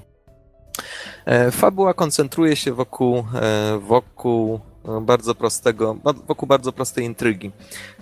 Organizacja, która nazywa się Salamandrą, wdarła się do Kermoren, czyli twierdzy, e, która stanowi właściwie taką ojczyznę wiedźmiaków, czy wiedźminów, e, i wydarła im ich wiedźmińskie tajemnice, to znaczy wszystkie, wszystkie mikstury i, i, i przepisy, dzięki którym dokonywana jest mutacja i stwarzany jest wiedźmin, dlatego że no, przypomnijmy, że wiedźmin to jest rasa, a nie zawód. Jest oczywiście powiązany z zawodem, ale to jest przede wszystkim rasa gdyż człowiek y, poddawany właśnie mutacjom staje się wiedźminem, jego organizm jest szybszy, y, szybciej się regeneruje y, i na przykład ma charakterystyczne kocie oczy, czasami dochodzi do wybielenia włosów, tak jak to jest u Geralta, czyli po prostu salamandry przechwyciły tę jakby metodologię do tworzenia mutantów, no i chcą je wykorzystać do własnych celów, co oczywiście jest niedopuszczalne i wiedźmini ruszają do pościgu, co jest dosyć dziwne, że w ogóle ruszają do tego pościgu, do tego, że w, w grze ich dialogi, kiedy, no, sytuacja wygląda tak, że kiedy salamandra już jest w głębi twierdzy i biegnie do laboratorium, to Wiedźmini zastanawiają się, co robić. E, I, i kiedy Trisim, mm, czyli jedna z zaprzyjaźnionych czarodziejek, uświadamia im, jak ważna jest ta sprawa, to jakby Wesemir, czyli najstarszy wiedźmak, e, przyznaje jej rację tak, jakby sprzeczali się o to, który ocean jest większy. Jakby zupełnie nie zdając sobie sprawy z zagrożenia. No dobrze, dobrze, Tris, masz rację, popełniliśmy błąd. No, no nie wiem, trochę mnie to nie przekonało. E, w każdym razie e, założenia fabularne są dosyć proste. Wiedźmaki e, roz, rozdzielają się, idą w czterech stronach świata, w cztery strony świata, czyli klasycznie. Mają jeden cel, dorwać salamandrę i właściwie dwóch głównych przeciwników, czyli czarodzieja Azara Javeda i magistra, który jest płatnym, znanym zabójcą. E, akurat Wiedźmak... Magister, to, to jest dobry przydomek, magister. Tak, właściwie on sprawia, że, że ten tytuł naukowy brzmi zajebiście. czy, czy on nosił taki monokl, dobrze pamiętam? Nie, nie, nosił okulary. A, okulary, okej. Okay. E, w każdym razie e, Geralt z Rivi prowadzi śledztwo w Wyzimie i okolicach. To jest taka, takie dosyć ważne miasto Temerii bodajże. No to, to nie była stolica w ogóle i królewskie tak, miasto? bodajże nawet tak. No to bardzo ważne. E, tam ważne, nie ważne. Mówi ten, który przeczytał książkę. W każdym razie mm, Geralt prowadząc swoje śledztwo przede wszystkim e, musi dokonywać pewnych wyborów, miesza się w końcu w politykę, czyli na przykład e, Skojatel, czyli elfy, które wciąż walczą o niepodległość. Bardzo często musimy dokonywać pewnych wyborów, czy poprzeć ludzi, czy elfy e, i jakby ta decyzja zawsze jest niejednoznaczna. E, natomiast e, gra bardzo mocno, tak jak już wcześniej powiedziałem, osadza się na książkach i to usytuawia się na przykład, czy pokazuje się na przykład w taki sposób, że mamy całą masę wspominek, tak zwanych, jak to ja e, zwykłem nazywać, to znaczy bardzo często jakaś postać wspomina o jakiejś postaci, na przykład nie wiem, czy pamiętasz, ale Kedringer i Fenn, dwaj adwokaci, albo Leo Bonhart, stary, czy też inne po prostu postaci, które zostają zwyczajnie wspomniane. E, tak, także pewne zdarzenia są wspomniane przez, e, przez postaci albo jakieś motywy, które bardzo dobrze jakby wiążą grę z książkami. To znaczy widać, że, że gra nie jest taką jakby oddzieloną nakładką, ale jakby są te linki, które wiążą, e, wiążą książkę z grą i, i jakby bardzo fajnie to zostało wykonane. Na dobrą sprawę wykreowany świat, postaci, e, nowe postaci, e, czy nawet dialogi są bardzo wiarygodne i, e, i przystają do, do stylu Sapkowskiego. To znaczy, no, Geralt jest jak prawdziwy. Jeśli Geralt coś mówi, to, to ja mam świadomość, że to jest faktycznie Geralt, a nie jakaś edycja Geralta nieudana. Czyli, Także... czyli chcesz powiedzieć, że ten, ten dialog, który tak ci się nie spodobał na początku gry, wcale potem nie przeniósł się zarazą na inne, tylko faktycznie później jakby rośnie ten poziom, tak? Znaczy, tak, po prostu ten początek jest jakiś taki trochę skopany. Wiedźmaki okay. zupełnie jakby nie zdają sobie sprawy z wagi swoich tajemnic i ktoś tam idzie, właśnie buszuje w laboratorium, a oni, no dobrze, dobrze, już wiemy. No okay. trochę, mnie to, trochę mnie to rozczarowało. Mm -hmm. e, bo gdyby, jak gdyby jakby zdążyli na czas, to nie byłoby całej gry. tak, tak można to ująć. Natomiast, e, tak jak Czyli powiedziałem... how it should have ended. Tak. e, jest to naprawdę świetnie zakotwiczony, wiarygodny świat, który jest wspaniałą bazą dla nowej historii. E, to znaczy, co ja tutaj mam na myśli? E, to znaczy, mamy całą masę pobocznych postaci, które zlecają nam na przykład jakieś zadania, odzyskanie jakiegoś pierścionka w niebezpiecznym terenie, e, zlecenie na jakieś potwory, zdobycie jakichś składników, czy nawet problemy polityczne, które się okazjonalnie pojawiają. To jest wspaniała baza. Tych postaci jest dużo, ten świat jest e, rozbudowany. No, w porównaniu do książek jest ubogi, ale i stanowi jakby tylko jedną niteczkę na, na mapie świata, ale, ale jak, no, jak na grę jest to świat dosyć rozbudowany, jest dużo postaci, jest dużo zleceń pobocznych. Innymi słowy, można powiedzieć, zanurz się i stań się wiedźmakiem, prawda? Y, można się dosłownie sta, stać Geraltem, y, zanurzyć się jakby w wykonywanie tego zawodu, y, w rozwiązywaniu różnych problemów i, i w zasadzie to jest, tak jak powiedziałem, bardzo dobra baza do tego, żeby, żeby z tym światem coś zrobić wynieść go na nowy poziom, jakby pchnąć go w taką naprawdę świetną fabułę. Ale niestety y, są tutaj także pewne wady, to znaczy przede wszystkim zauważyłem dużą powtarzalność. To znaczy na przykład jeśli w książce jakiś dialog był śmieszny, no to dlaczego by nie wsadzić ten dialog y, do, usta jakiejś innej postaci w grze? Albo na przykład jeśli y, jakiś układ postaci jest bardzo fajny i charakterystyczny dla książki, no to dlaczego by go nie wsadzić do gry też? I tutaj mogę przytoczyć przykład. Geralt z Yennefer, taką czarodziejką, na tą sprawę pozostaje w związku i opiekują się wspomnianą już y, wyżej przeze mnie Ciri, która jest dzieckiem źródłem.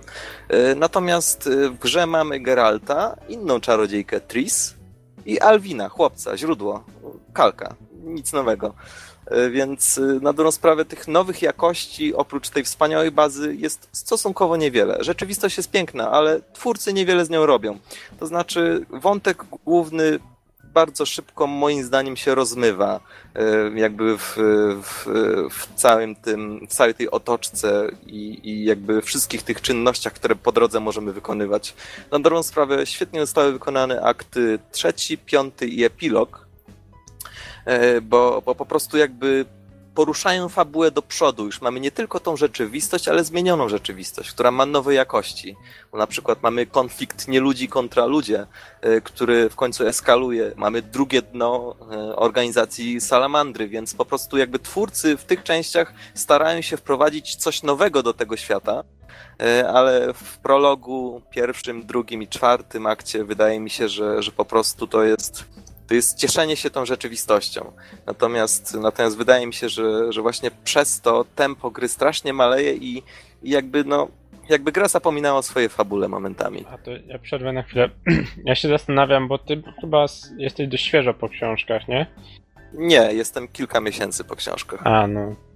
Zastanawiam się, jakie byłyby odczucia osoby, która czytała te książki, powiedzmy, gdy one wychodziły tak z 5, nie, nie znam dokładnych dat, ale mówię tak z 5 lat temu, kiedy nie masz tej wiedzy tak na świeżo, tylko masz jakieś takie przebłyski i nagle ci się przypomina, a no tak, w książce też było jakieś tam źródło, też coś tam, wiecie, tak troszkę wtedy to inaczej gra, troszkę na zasadzie sentymentu. Znaczy, to znaczy wiesz, Don, mówiłeś, że książki kiedy wychodziły? 80., 90. lata? Yy, lata 90. 90. No to, to myślę, że to, co mówi Norbert, to jest ciekawa problematyka. Czy, czy, na przykład nie, nie, czy nie powielono tych y, schematów, o których mówiłeś właśnie specjalnie po to, żeby fani książek tak poczuli się, mm, wiesz, jak w domu, co nie? Mhm, znaczy, wiesz, mnie to trochę nie przekonało, dlatego Aha. że no nie wiem, drugie dziecko źródło, no przecież to nie jest tak, że każde, że dziecko źródło można spotkać na pierwszym lepszym rogu wyzimy, tak? Więc, no, Okej. po prostu pewne kalki trochę drażnią. Oczywiście to są fajne nawiązania, ale, mm, ale fajnie byłoby, oprócz nich oczywiście, żeby, e, żeby jakby ten świat był popchnięty troszeczkę do przodu, żeby coś z nim faktycznie zrobili. Oni oczywiście w pewnym momencie robią z nim coś, ale, ale jakby wydaje mi się, że ten ciężar fabularny został przeniesiony dosłownie na sam koniec gry, niemal w całości. E, I jakby dopiero pod koniec gra sobie przypomina, że ma jakąś fabułę, która, która ma iść do przodu. A trzeba przyznać, że końcówka jest zrobiona fajnie, nie? została zrobiona ciekawie. E, Aczkolwiek, aczkolwiek jakby są. To jest trochę od czapy zrobione, bo dlatego, że dlatego, że w, jakby w wcześniejszych częściach gry Aha. y, nawet, nawet nie ma, nie ma jakichś sygnałów, że, że faktycznie coś by mogło się zmienić. Po prostu to jest tak, jakby ktoś nagle stwierdził, ej słuchajcie, to jest średnie, no to zróbmy coś jeszcze w epilogu i w epilogu się postarali. Tak, tak, tak, Mhm. takie troszeczkę miałem wrażenia. Natomiast dobra, mm, kończąc sprawę fabuły, bo to jest, e, to jest dosyć e, ważna kwestia, ale pozostaje także rozgrywka. E, Warto powiedzieć, że Wiedźmak, czy Wiedźmin, czy Wiedymin, czy Wiedmololbul Okej, w okej. języku, e, to dosyć... to. Tak, ja, ja myślę, że oni to, ja myślę, że oni to zrobili specjalnie. Po prostu siedli e, z CD Projektu e, designerzy na piwo po prostu i zaczęli pić. W pewnym momencie zeszło na, na rozmawiania o grze, no i tak stwierdzili, jak można mówić e, o Wiedźminie w językach ryboludzi. No Wiedmolol oczywiście. Nie no, ale słuchajcie, to jest język ryboludzi, musi być wiarygodny. No to Wiedmolol ból. Wiedmolol ból. No i wszystko w tej sprawie. Ale Natomiast- właśnie takie, takie smaczki, to, to sprawia, że ta gra jest taka swojska, taka przyjemna i ten humor jednak Mhm. tak za, zapada w pamięć, no. Znaczy, wiesz, humor jest świetnie wzorowany na Sapkowskim. Aha. E, U Sapkowskiego też tego typu, e, tego typu humor jest, który w zasadzie wydaje się zupełnie współczesny. Na przykład, nie wiem, e, w pewnym momencie jakaś postać opowiadała żart w książce e, i oczywiście nie znaliśmy jego całości, e, ale ten, ale, ale końcówka brzmiała mniej więcej, mniej więcej tak. A elf na to mówi gówno. więc ten, więc tak to, tak to zostało zrobione. Albo idzie Nilfgaardczyk, elf i krasnolud, nie? Czyli tego typu kalki. Dobra, gameplay. Yy, Wiedźmak to jest bardzo specyficzna postać. Ona ma przeróżne style walki. Yy, Srebrne i stalowe. To są przeznaczone przeciwko odpowiednio potworom i ludziom. Oczywiście mówimy o mieczach. Tak. No to style walki odpowiadające mieczom. Yy, oraz używa prostej magii, którą są znaki i ważną, yy, ważnym elementem jakby gameplayu i w ogóle samej profesji Wiedźmaka są mikstury.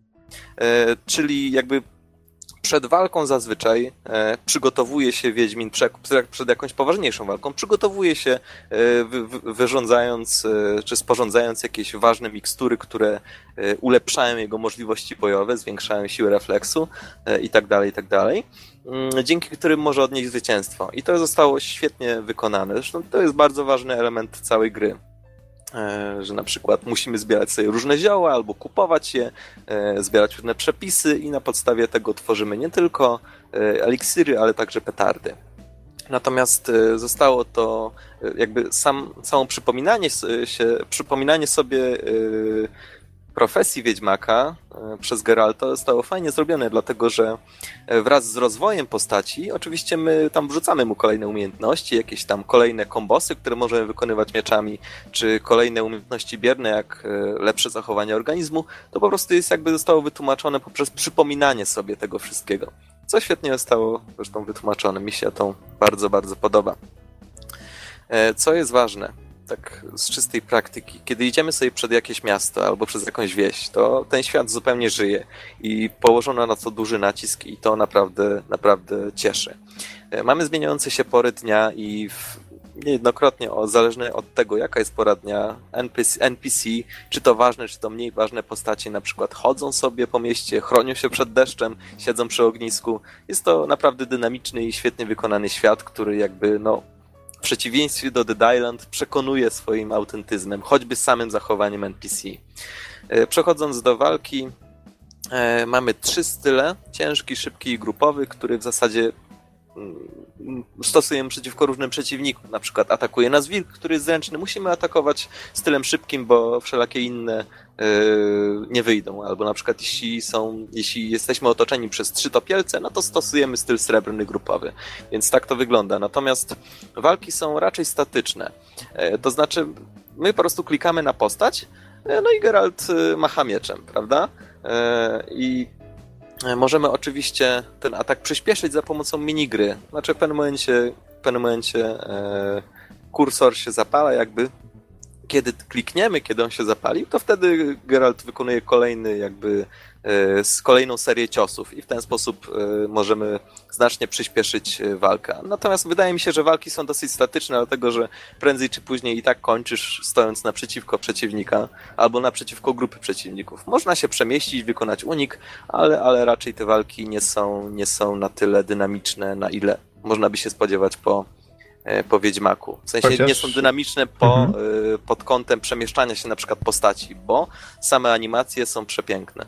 I ja właśnie tak pamiętam, że pod koniec gry, jak już się miało wymaksowaną tą postać, to ona wykonywała takie dzikie ruchy i się kręciła i właściwie przeciwnicy padali jak muchy. To było chyba trochę Czy, przegięte, nie uważasz? Yy, znaczy, nie do końca, wydaje mm -hmm. mi mhm. się tak, bo Geralt to jest Geralt, to jest Wiedźmak i on jest lepszy, a jeszcze, zwłaszcza jak się go podrasuje, yy, podrasuje się go Y, eliksirami, natomiast chodzi mi o to, że dobra, postać może się kręcić, zadać cios, ale ona stoi w miejscu. Stoi Aha, w jednym punkcie. Okay. I zazwyczaj kończyło się tak, że przeciwnicy nas okrążają, no nie wiem, y, atakujemy grupą i potem zmieniają miejsce. Oczywiście jest tutaj troszeczkę dynamiki, ale ostatecznie jakby widać, że to trochę kotor jest. Wchodzisz do przeciwnika i naparzasz. Tyle. Natomiast z czasem, z czasem jest troszeczkę ciekawiej, ale, ale bym tego nie przeceniał. E, wilcza część gry, tak jak powiedziałem, mm, to jest właśnie w zasadzie wykonywanie zawodu Wiedźmaka i to jest genialnie zrobione. Zbieramy sobie zlecenia w, z ogłoszeń, e, z, z, z, tablicy ogłoszeń, potem idziemy do kogoś i jest ta słynna kwestia ja w sprawie ogłoszenia. E, mamy możliwość na przykład wykańczać potwory, zdobyć dowód na zabicie jakiegoś potwora albo jakiś przedmiot. Więc, więc na sprawę właściwie wydaje mi się, że większość gry skupia się właśnie na tym, że główna radość e, z grania w Wiedźmaka to zwłaszcza na przykład dla tych, którzy czytali książkę albo nawet nie czytali, to jest właśnie wykonywanie tego zawodu. To jest właśnie poczucie się Geraltem i jakby e, odnalezienie się w tym dynamicznym świecie. Wydaje mi się, że gdzieś, że tutaj jest mo bardzo mocna strona gry, natomiast gdzieś w tle znajduje się salamandra, która czasem się pojawia, czasem nie ale, ale wydaje mi się, że niewiele z tego wynika, zwłaszcza, że na przykład, nie wiem, postać głównego przeciwnika, y, magistra, nie została zbyt dobrze zakreślona. Na dobrą sprawę nikt w grze, oprócz y, tam jednej czy dwóch postaci, o nim nie mówi, a ponoć to niesamowity zabijaka, który jest bardzo znany. Więc, więc jakoś tak wydaje mi się, że, że część z tych nowych jakości została niedopracowana i ja na przykład nie za bardzo się przejmowałem Azarem Javedem. On pod koniec troszeczkę od siebie po powiedział, ale ale poza tym po prostu jakby te postaci moim zdaniem występowały zupełnie w tle. E, do eksploracji mamy całkiem spore połacie. E, to są dzielnice Wyzimy, Bagna, Nabrzeża i oczywiście możemy do nich wracać, e, wracać, choć czasem jest to ograniczone. Zazwyczaj bywa tak, że po prostu kiedy, kiedy na przykład rozwiążemy jakiś ważny, fabularny quest, to wtedy odblokowuje się nowa dzielnica. Oczywiście dzieje się naprawdę w płynny i świetny sposób, więc jakby nie da się tutaj narzucić żadnej, e, żadnej sztuczności. Co warto podkreślić, przebieg gry, przebieg historii jest nieliniowy. No i oczywiście tutaj powraca ten temat wyboru mniejszego zła, e, który, który w zasadzie jest, no powiedziałbym nawet może głównym tematem, dlatego że jakby sama działalność salamandry, jak się okazuje, może być mniejszym złem, ale, e, ale tego już nie będę zdradzać. Natomiast, tak jak powiedziałem, wydaje mi się, że rozgrywka wspaniale oddaje to właśnie bycie Wiedźminiem, to odtwarzanie tej roli i bycie w tym świecie. Natomiast mamy jeszcze kilka fajnych rzeczy do robienia w tym świecie, na przykład walka na pięści, kościany poker i tak dalej, i tak dalej. Co do poziomu Kolekcjonowanie trudności. kart. Tak, ja kolekcjonowałem, powiem szczerze. Ile mogłem, tyle mogłem. Część nie zdobyłem, ale, ale wiesz, ja traktowałem to, traktowałem to jako, e, jako no, takie wyzwanie gry, a poza tym mm -hmm. w książce Geralt też kocha się z każdą kobietą, z jaką chce po drodze. Więc, więc jakby odtwarzałem w ten sposób też postać. To, to może tłumacząc tutaj o co chodzi, jeżeli faktycznie e, uda nam się zaciągnąć jakąś postać kobiecą do łóżka, to jesteśmy nagradzani taką kartą erotyczną.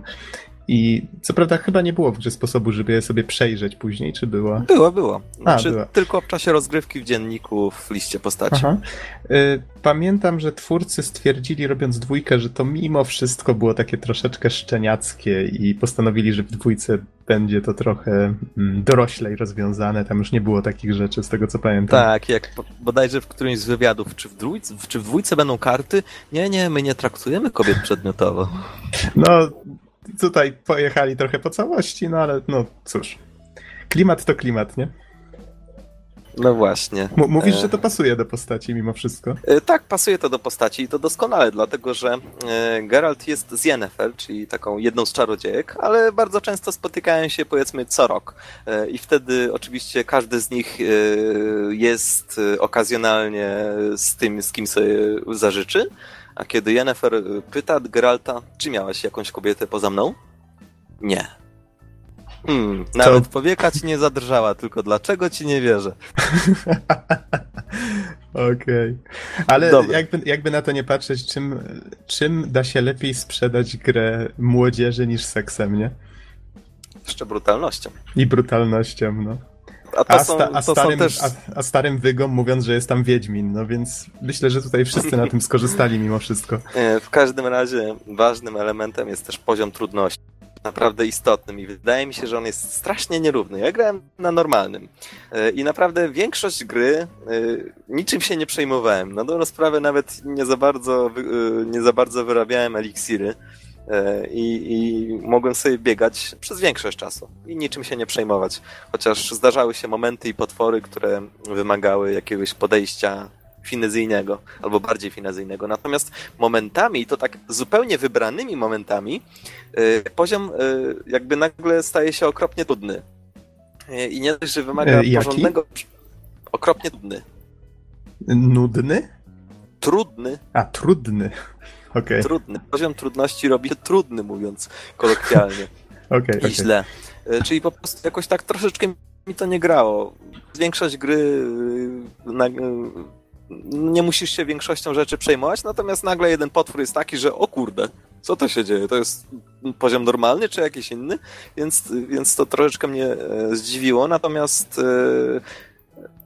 w, w piątym akcie w pewnym momencie poziom znowuż robi się bardzo trudny, co jest poniekąd wyjaśnione.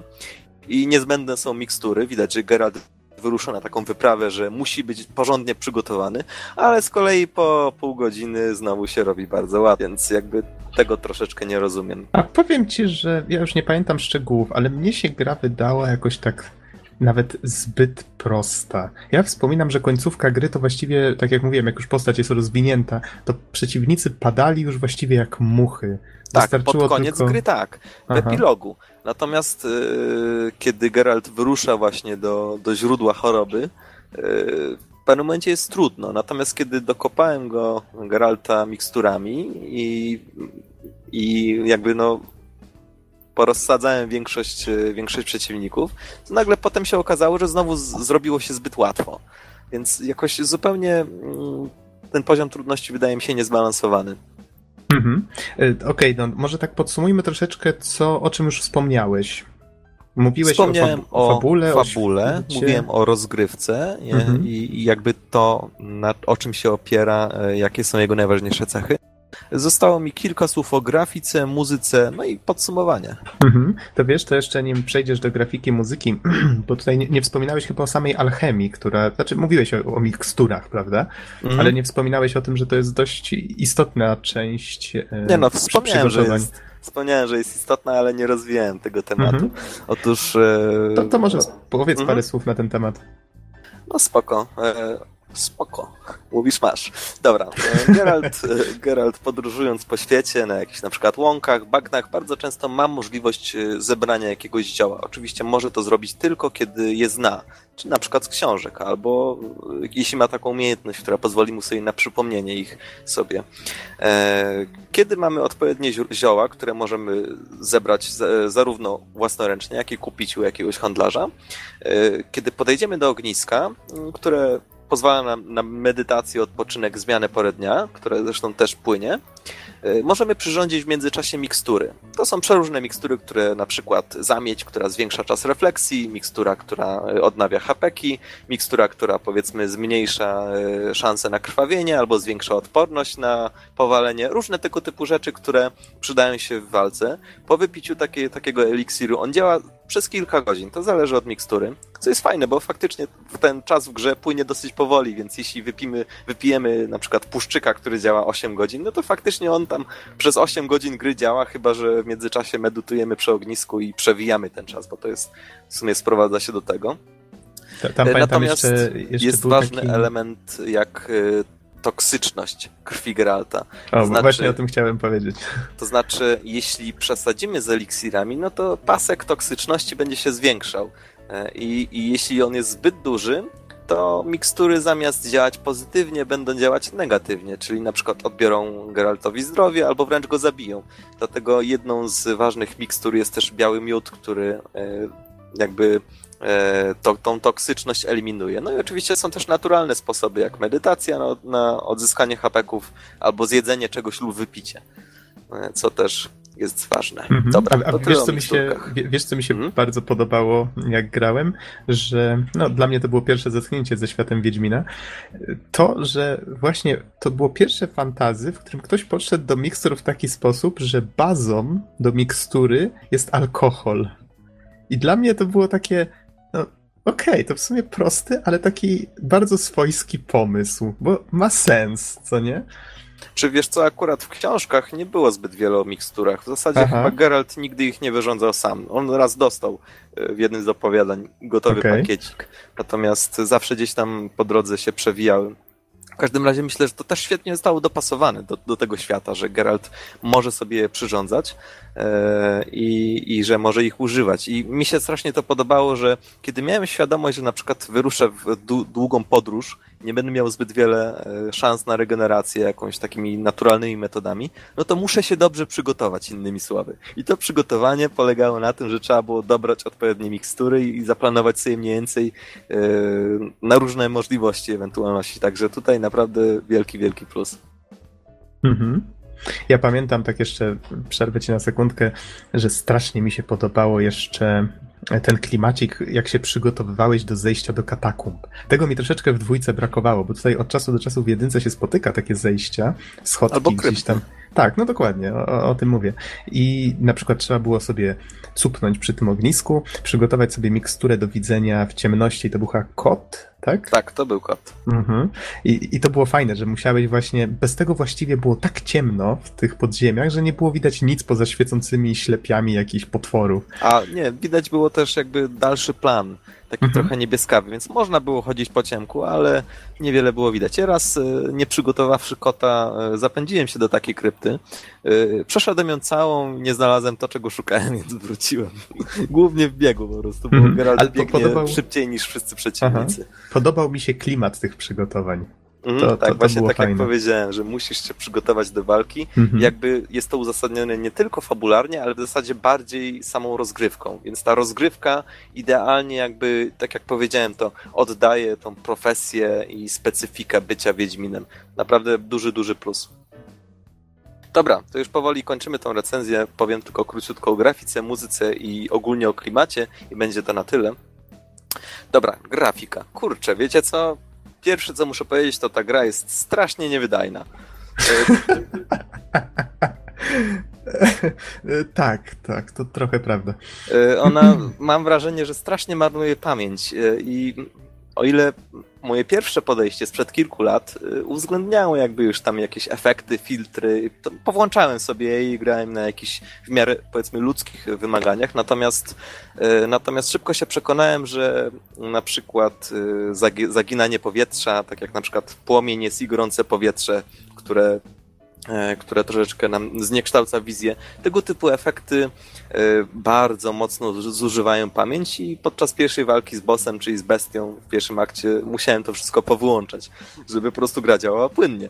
Więc e, w efekcie, żeby uniknąć wyłączania się gry co pół godziny, musiałem grać na minimalnych ustawieniach.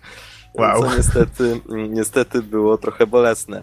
Znaczy, grafika jest technicznie rzecz biorąc całkiem ładna. Ja nawet obejrzałem sobie kilka gameplayów i kilka screenów e, z, e, z tych maksymalnych ustawień, ale no cóż, po zdjęciu filtrów e, wychodzą pewne niedoróbki. Osobiście nie mówiłbym, że jednak, że gra jest brzydka, ale, ale, ale widać, że, że nie jest to piękno. Po prostu jest to dobrze zrobione, taki Mhm. Może nie jest piękne, ale kciuk w górę ostatecznie bym dał.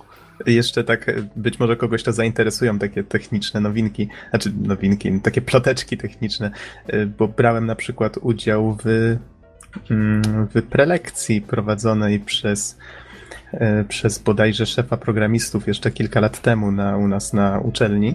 Z, zresztą, Don, tutaj mi przypomniałeś, że też braliśmy udział w jakiejś prelekcji na zjeździe twórców gier, prawda? Mhm. Też Tak, poświęconej akurat od fabuły był gość i opowiadał, jak to było Już- z tworzeniem. Już nie pamiętam dokładnie, które informacje gdzie zasłyszałem, ale, ale to ogólnie chodziło o to, że ten silnik ponoć tak był przerabiany przez zespół, ta Aurora, y, że no wiecie, to, to ponoć nie był ich wybór, po prostu y, szefostwo dało im ten silnik, powiedzieli, to będzie, wiecie, świetna baza, bo wszyscy będą mówić, wow, ta gra chodzi na silniku właśnie od BioWare'u, ale tak na dobrą sprawę, jak oni ten silnik zaczęli przepisywać, to okazało się, że ostatecznie niewiele z tej Aurory w tym silniku zostało, więc ja myślę, że oni po prostu mieli dużo problemów chyba z tą technologią i dlatego to takie nie, niewydajne y, im wyszło.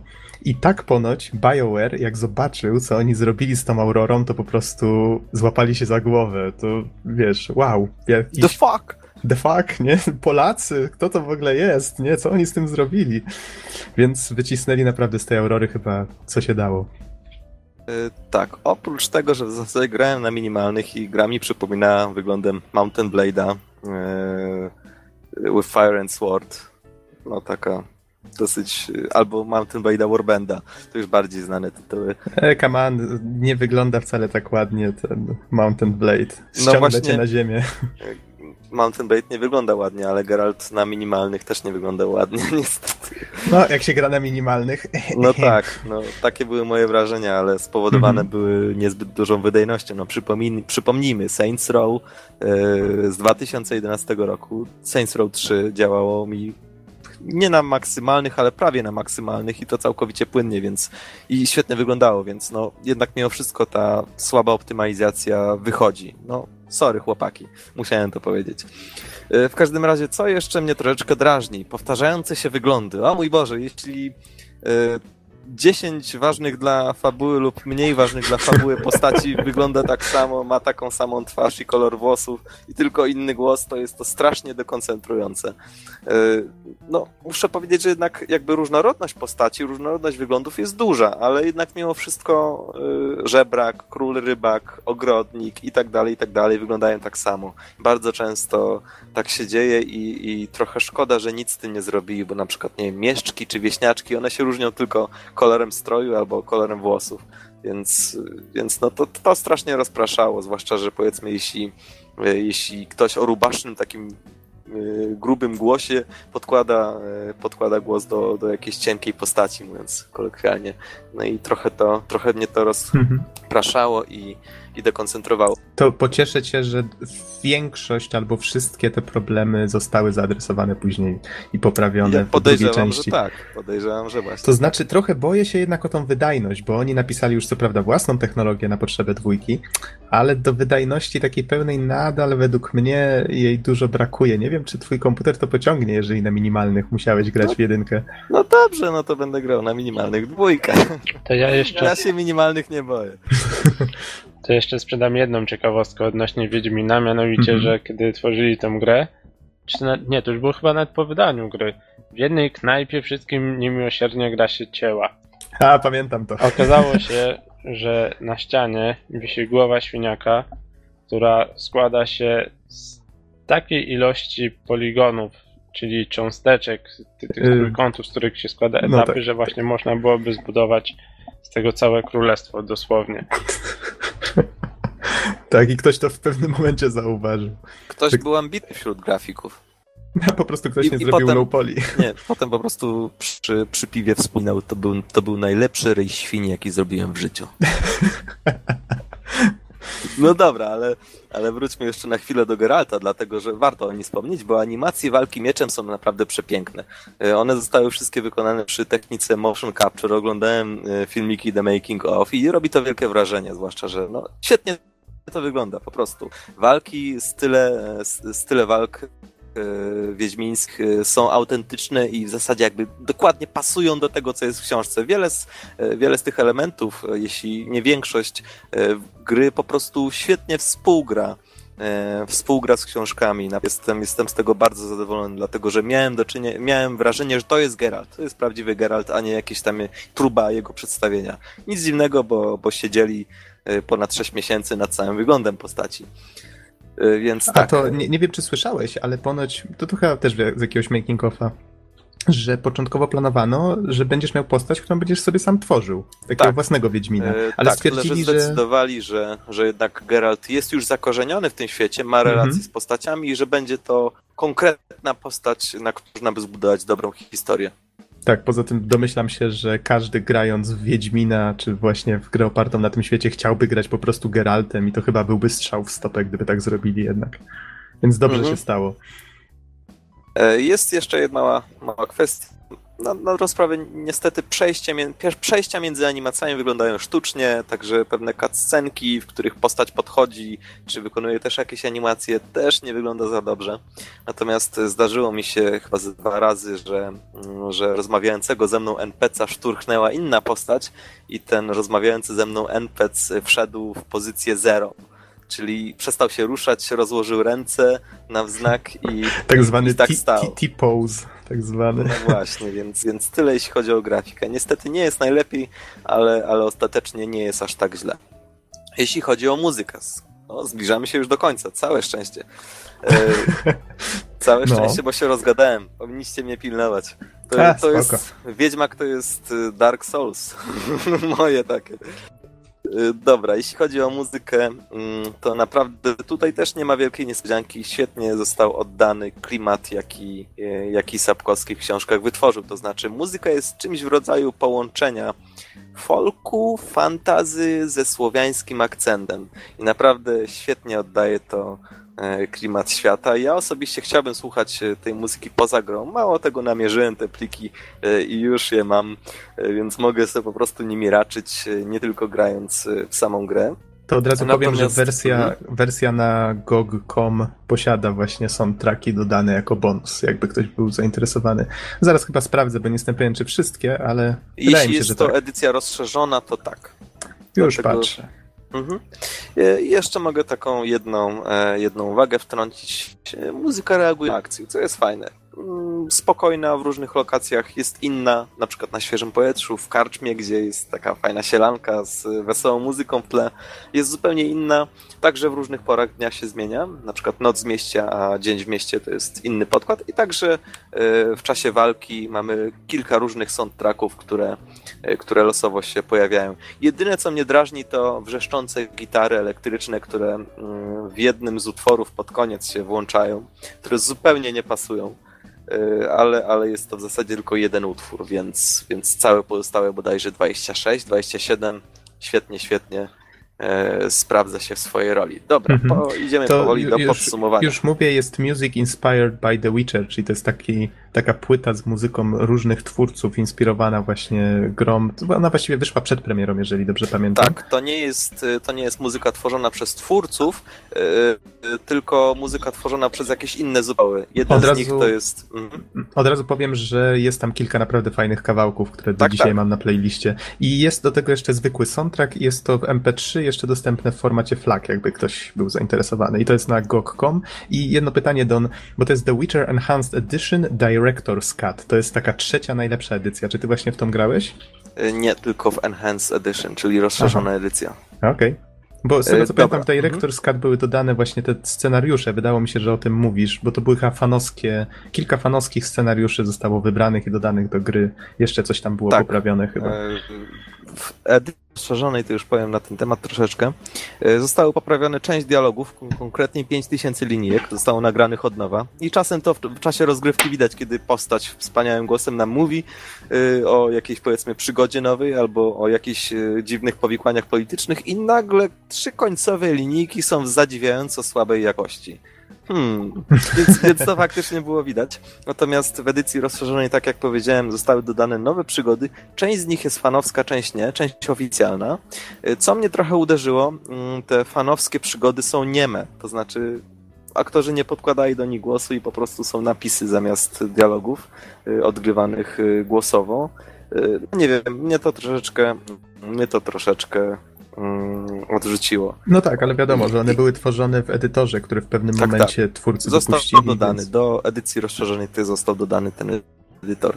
Mhm. E, W każdym razie e, mogę też powiedzieć krótko, że, że jakby jakość dialogów na przykład, czy, czy jakość historii w tych przy- przygodach dodatkowych e, jest świetna, ale odstaje ostatecznie od, od oryginalnego dodatku.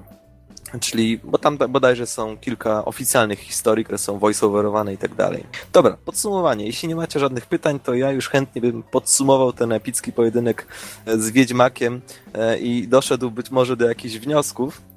E, Ale jeszcze jeśli macie jakieś pytania, to teraz jest moment. A ode mnie nie ma pytań. No, Ode mnie też nie. Okej. A Bizon? Bizon jest z nami duchem dzisiaj. Ja tylko nim skończysz, to mam nadzieję, że nim wyjdzie trójka, a to ma być w lutym przyszłego roku, że jednak dorobisz się lepszego kompa, uda ci się zrecenzować jeszcze dwójkę, a potem razem zagramy w trójkę i zrobimy jakąś łączoną recenzję. To by było fajne. To byłoby coś. No. Dobra, podsumowując, myślę, że, mm, że jakby dobrym podsumowaniem jest krótka uwaga o klimacie. I tutaj wynotowałem sobie wielkimi literami, wersalikami, to jeszcze z szeryfami, a nie Wiedźmakiem. No i właśnie chyba na tym właśnie polega ta gra. E, Wszyscy fani książki mogą autentycznie zostać Geraltem z Rivii, mogą uprawiać e, profesję Wiedźmaka ze wszystkimi jej cechami szczególnymi, czyli Myślałem, sporządzaniem mikstur, Myślałem, że chcesz powiedzieć coś innego, pouprawiać. No, proszę cię. Y, Więc y, uprawiać, sporządzać mikstury e, i, i walczyć na różne sposoby z przeróżnymi potworami. E, Idealnie została oddana profesja. W gameplayu także. Mamy wiarygodny świat, postacie i lokacje. E, Świetnie wystylizowane dialogi, które, które pasują do książki. E, Świetną muzykę wspaniałą, która także oddaje ten klimat e, całej, całej opowieści, a także całą masę różnych czynności, które możemy wykonywać w tym świecie. Nie wiem, bić się na pięści, e, pić, upijać się, e, grać w kości, mm, w kościanego pokera, rozwiązywać jakieś poboczne zadania, czyli typy wiedźmińskie e, zlecenia. No i oczywiście niestety grafika wydaje mi się, że i, i przede wszystkim e, wydajność odstaje od poziomu całości ale nie jest na tyle, na tyle od, y, odstręczająca, żeby, żeby od gry odrzucić. E, Niestety główna historia e, chociaż są tego jakby próby naprawienia tego i nadania nowego sensu logu, wydaje mi się, że przez większość gry pozostaje w tle. E, W głównej linii fabularnej mamy strasznie mało jakości, które wprowadzałyby to uniwersum na nowy poziom. No i także jest sporo kalk z książki które, które momentami wydają mi się trochę naciągane. E, Także podsumowując, e, podsumowując klimat, bycie Wiedźminem e, oraz właściwie cały, cały ten świat jest świetnie zrobiony, no oprócz, oprócz tej, e, tej głównej linii fabularnej, która moim zdaniem kuleje w porównaniu do, do całej reszty. I pamiętajcie, E, jeszcze od siebie dodam, że początek gry jest zauważalnie słabiej zrobiony i zaprojektowany nawet pod kątem level designu niż to, co się Tak. dzieje potem.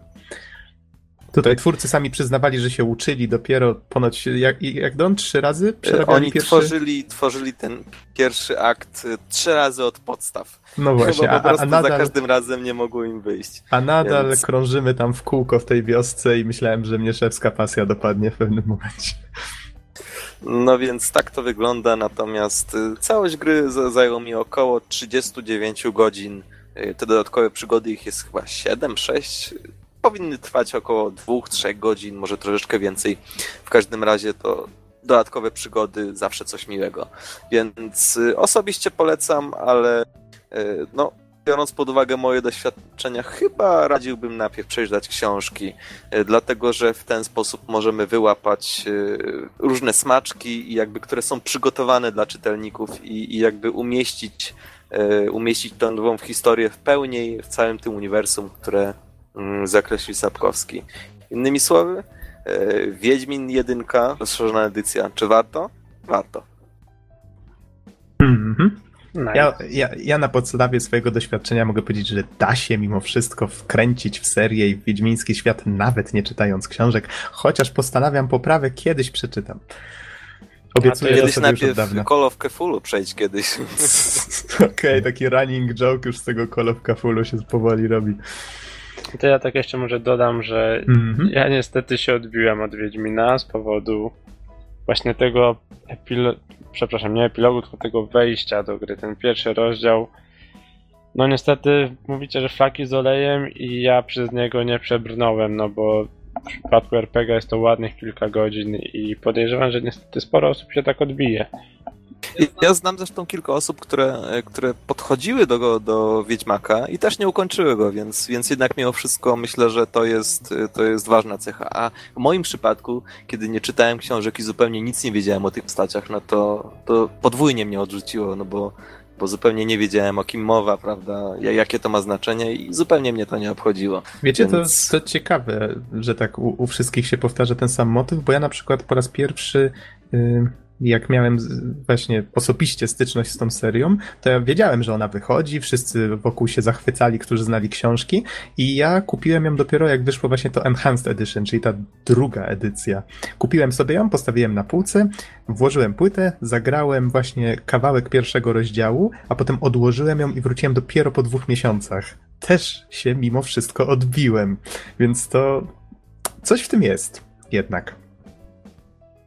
No ale okej, w każdym razie ciekaw jestem, Don, co powiesz na temat dwójki, bo to jest już naprawdę zupełnie inna jakość, więc tu Mhm. jestem ciekaw twojego zdania i twoich wrażeń. Mam nadzieję, że jednak gra ci pójdzie.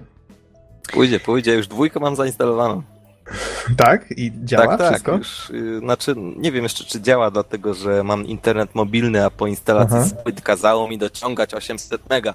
Mam internet mobilny i nie chcę go marnować, zwłaszcza, że służy mi teraz także do pracy, ale będąc u Gexena akurat dociągnąłem te 800 mega, które mam nadzieję wystarczą e, i być może jeszcze nawet już, już dzisiaj uruchomię Mhm. e, Wiedźmina dwójkę. To od razu ci powiem, że też wyszła właśnie Enhanced Edition, po której jak ją zainstalowałem, gra zaczęła chodzić mi wolniej. Więc nie wiem, może to, Baw mój, się dobrze, Don, tak? mo, może to mój sprzęt po prostu przestał y, spełniać wymagania czy coś, ale. No ale okej, tam została. Chciałem bardzo sprawdzić y, nową zawartość, którą dodano, ale to może porozmawiamy o tym, jak, jak będziesz recenzował dwójkę. Ale to już inna opowieść. Tak, inna opowieść. W takim bądź razie dziękujemy Wam bardzo za uwagę. Troszeczkę nam się przeciągnęło, ale mam nadzieję, że było ciekawie. I do usłyszenia w następnym odcinku. Trzymajcie się. Do usłyszenia. Na razie i dobranoc.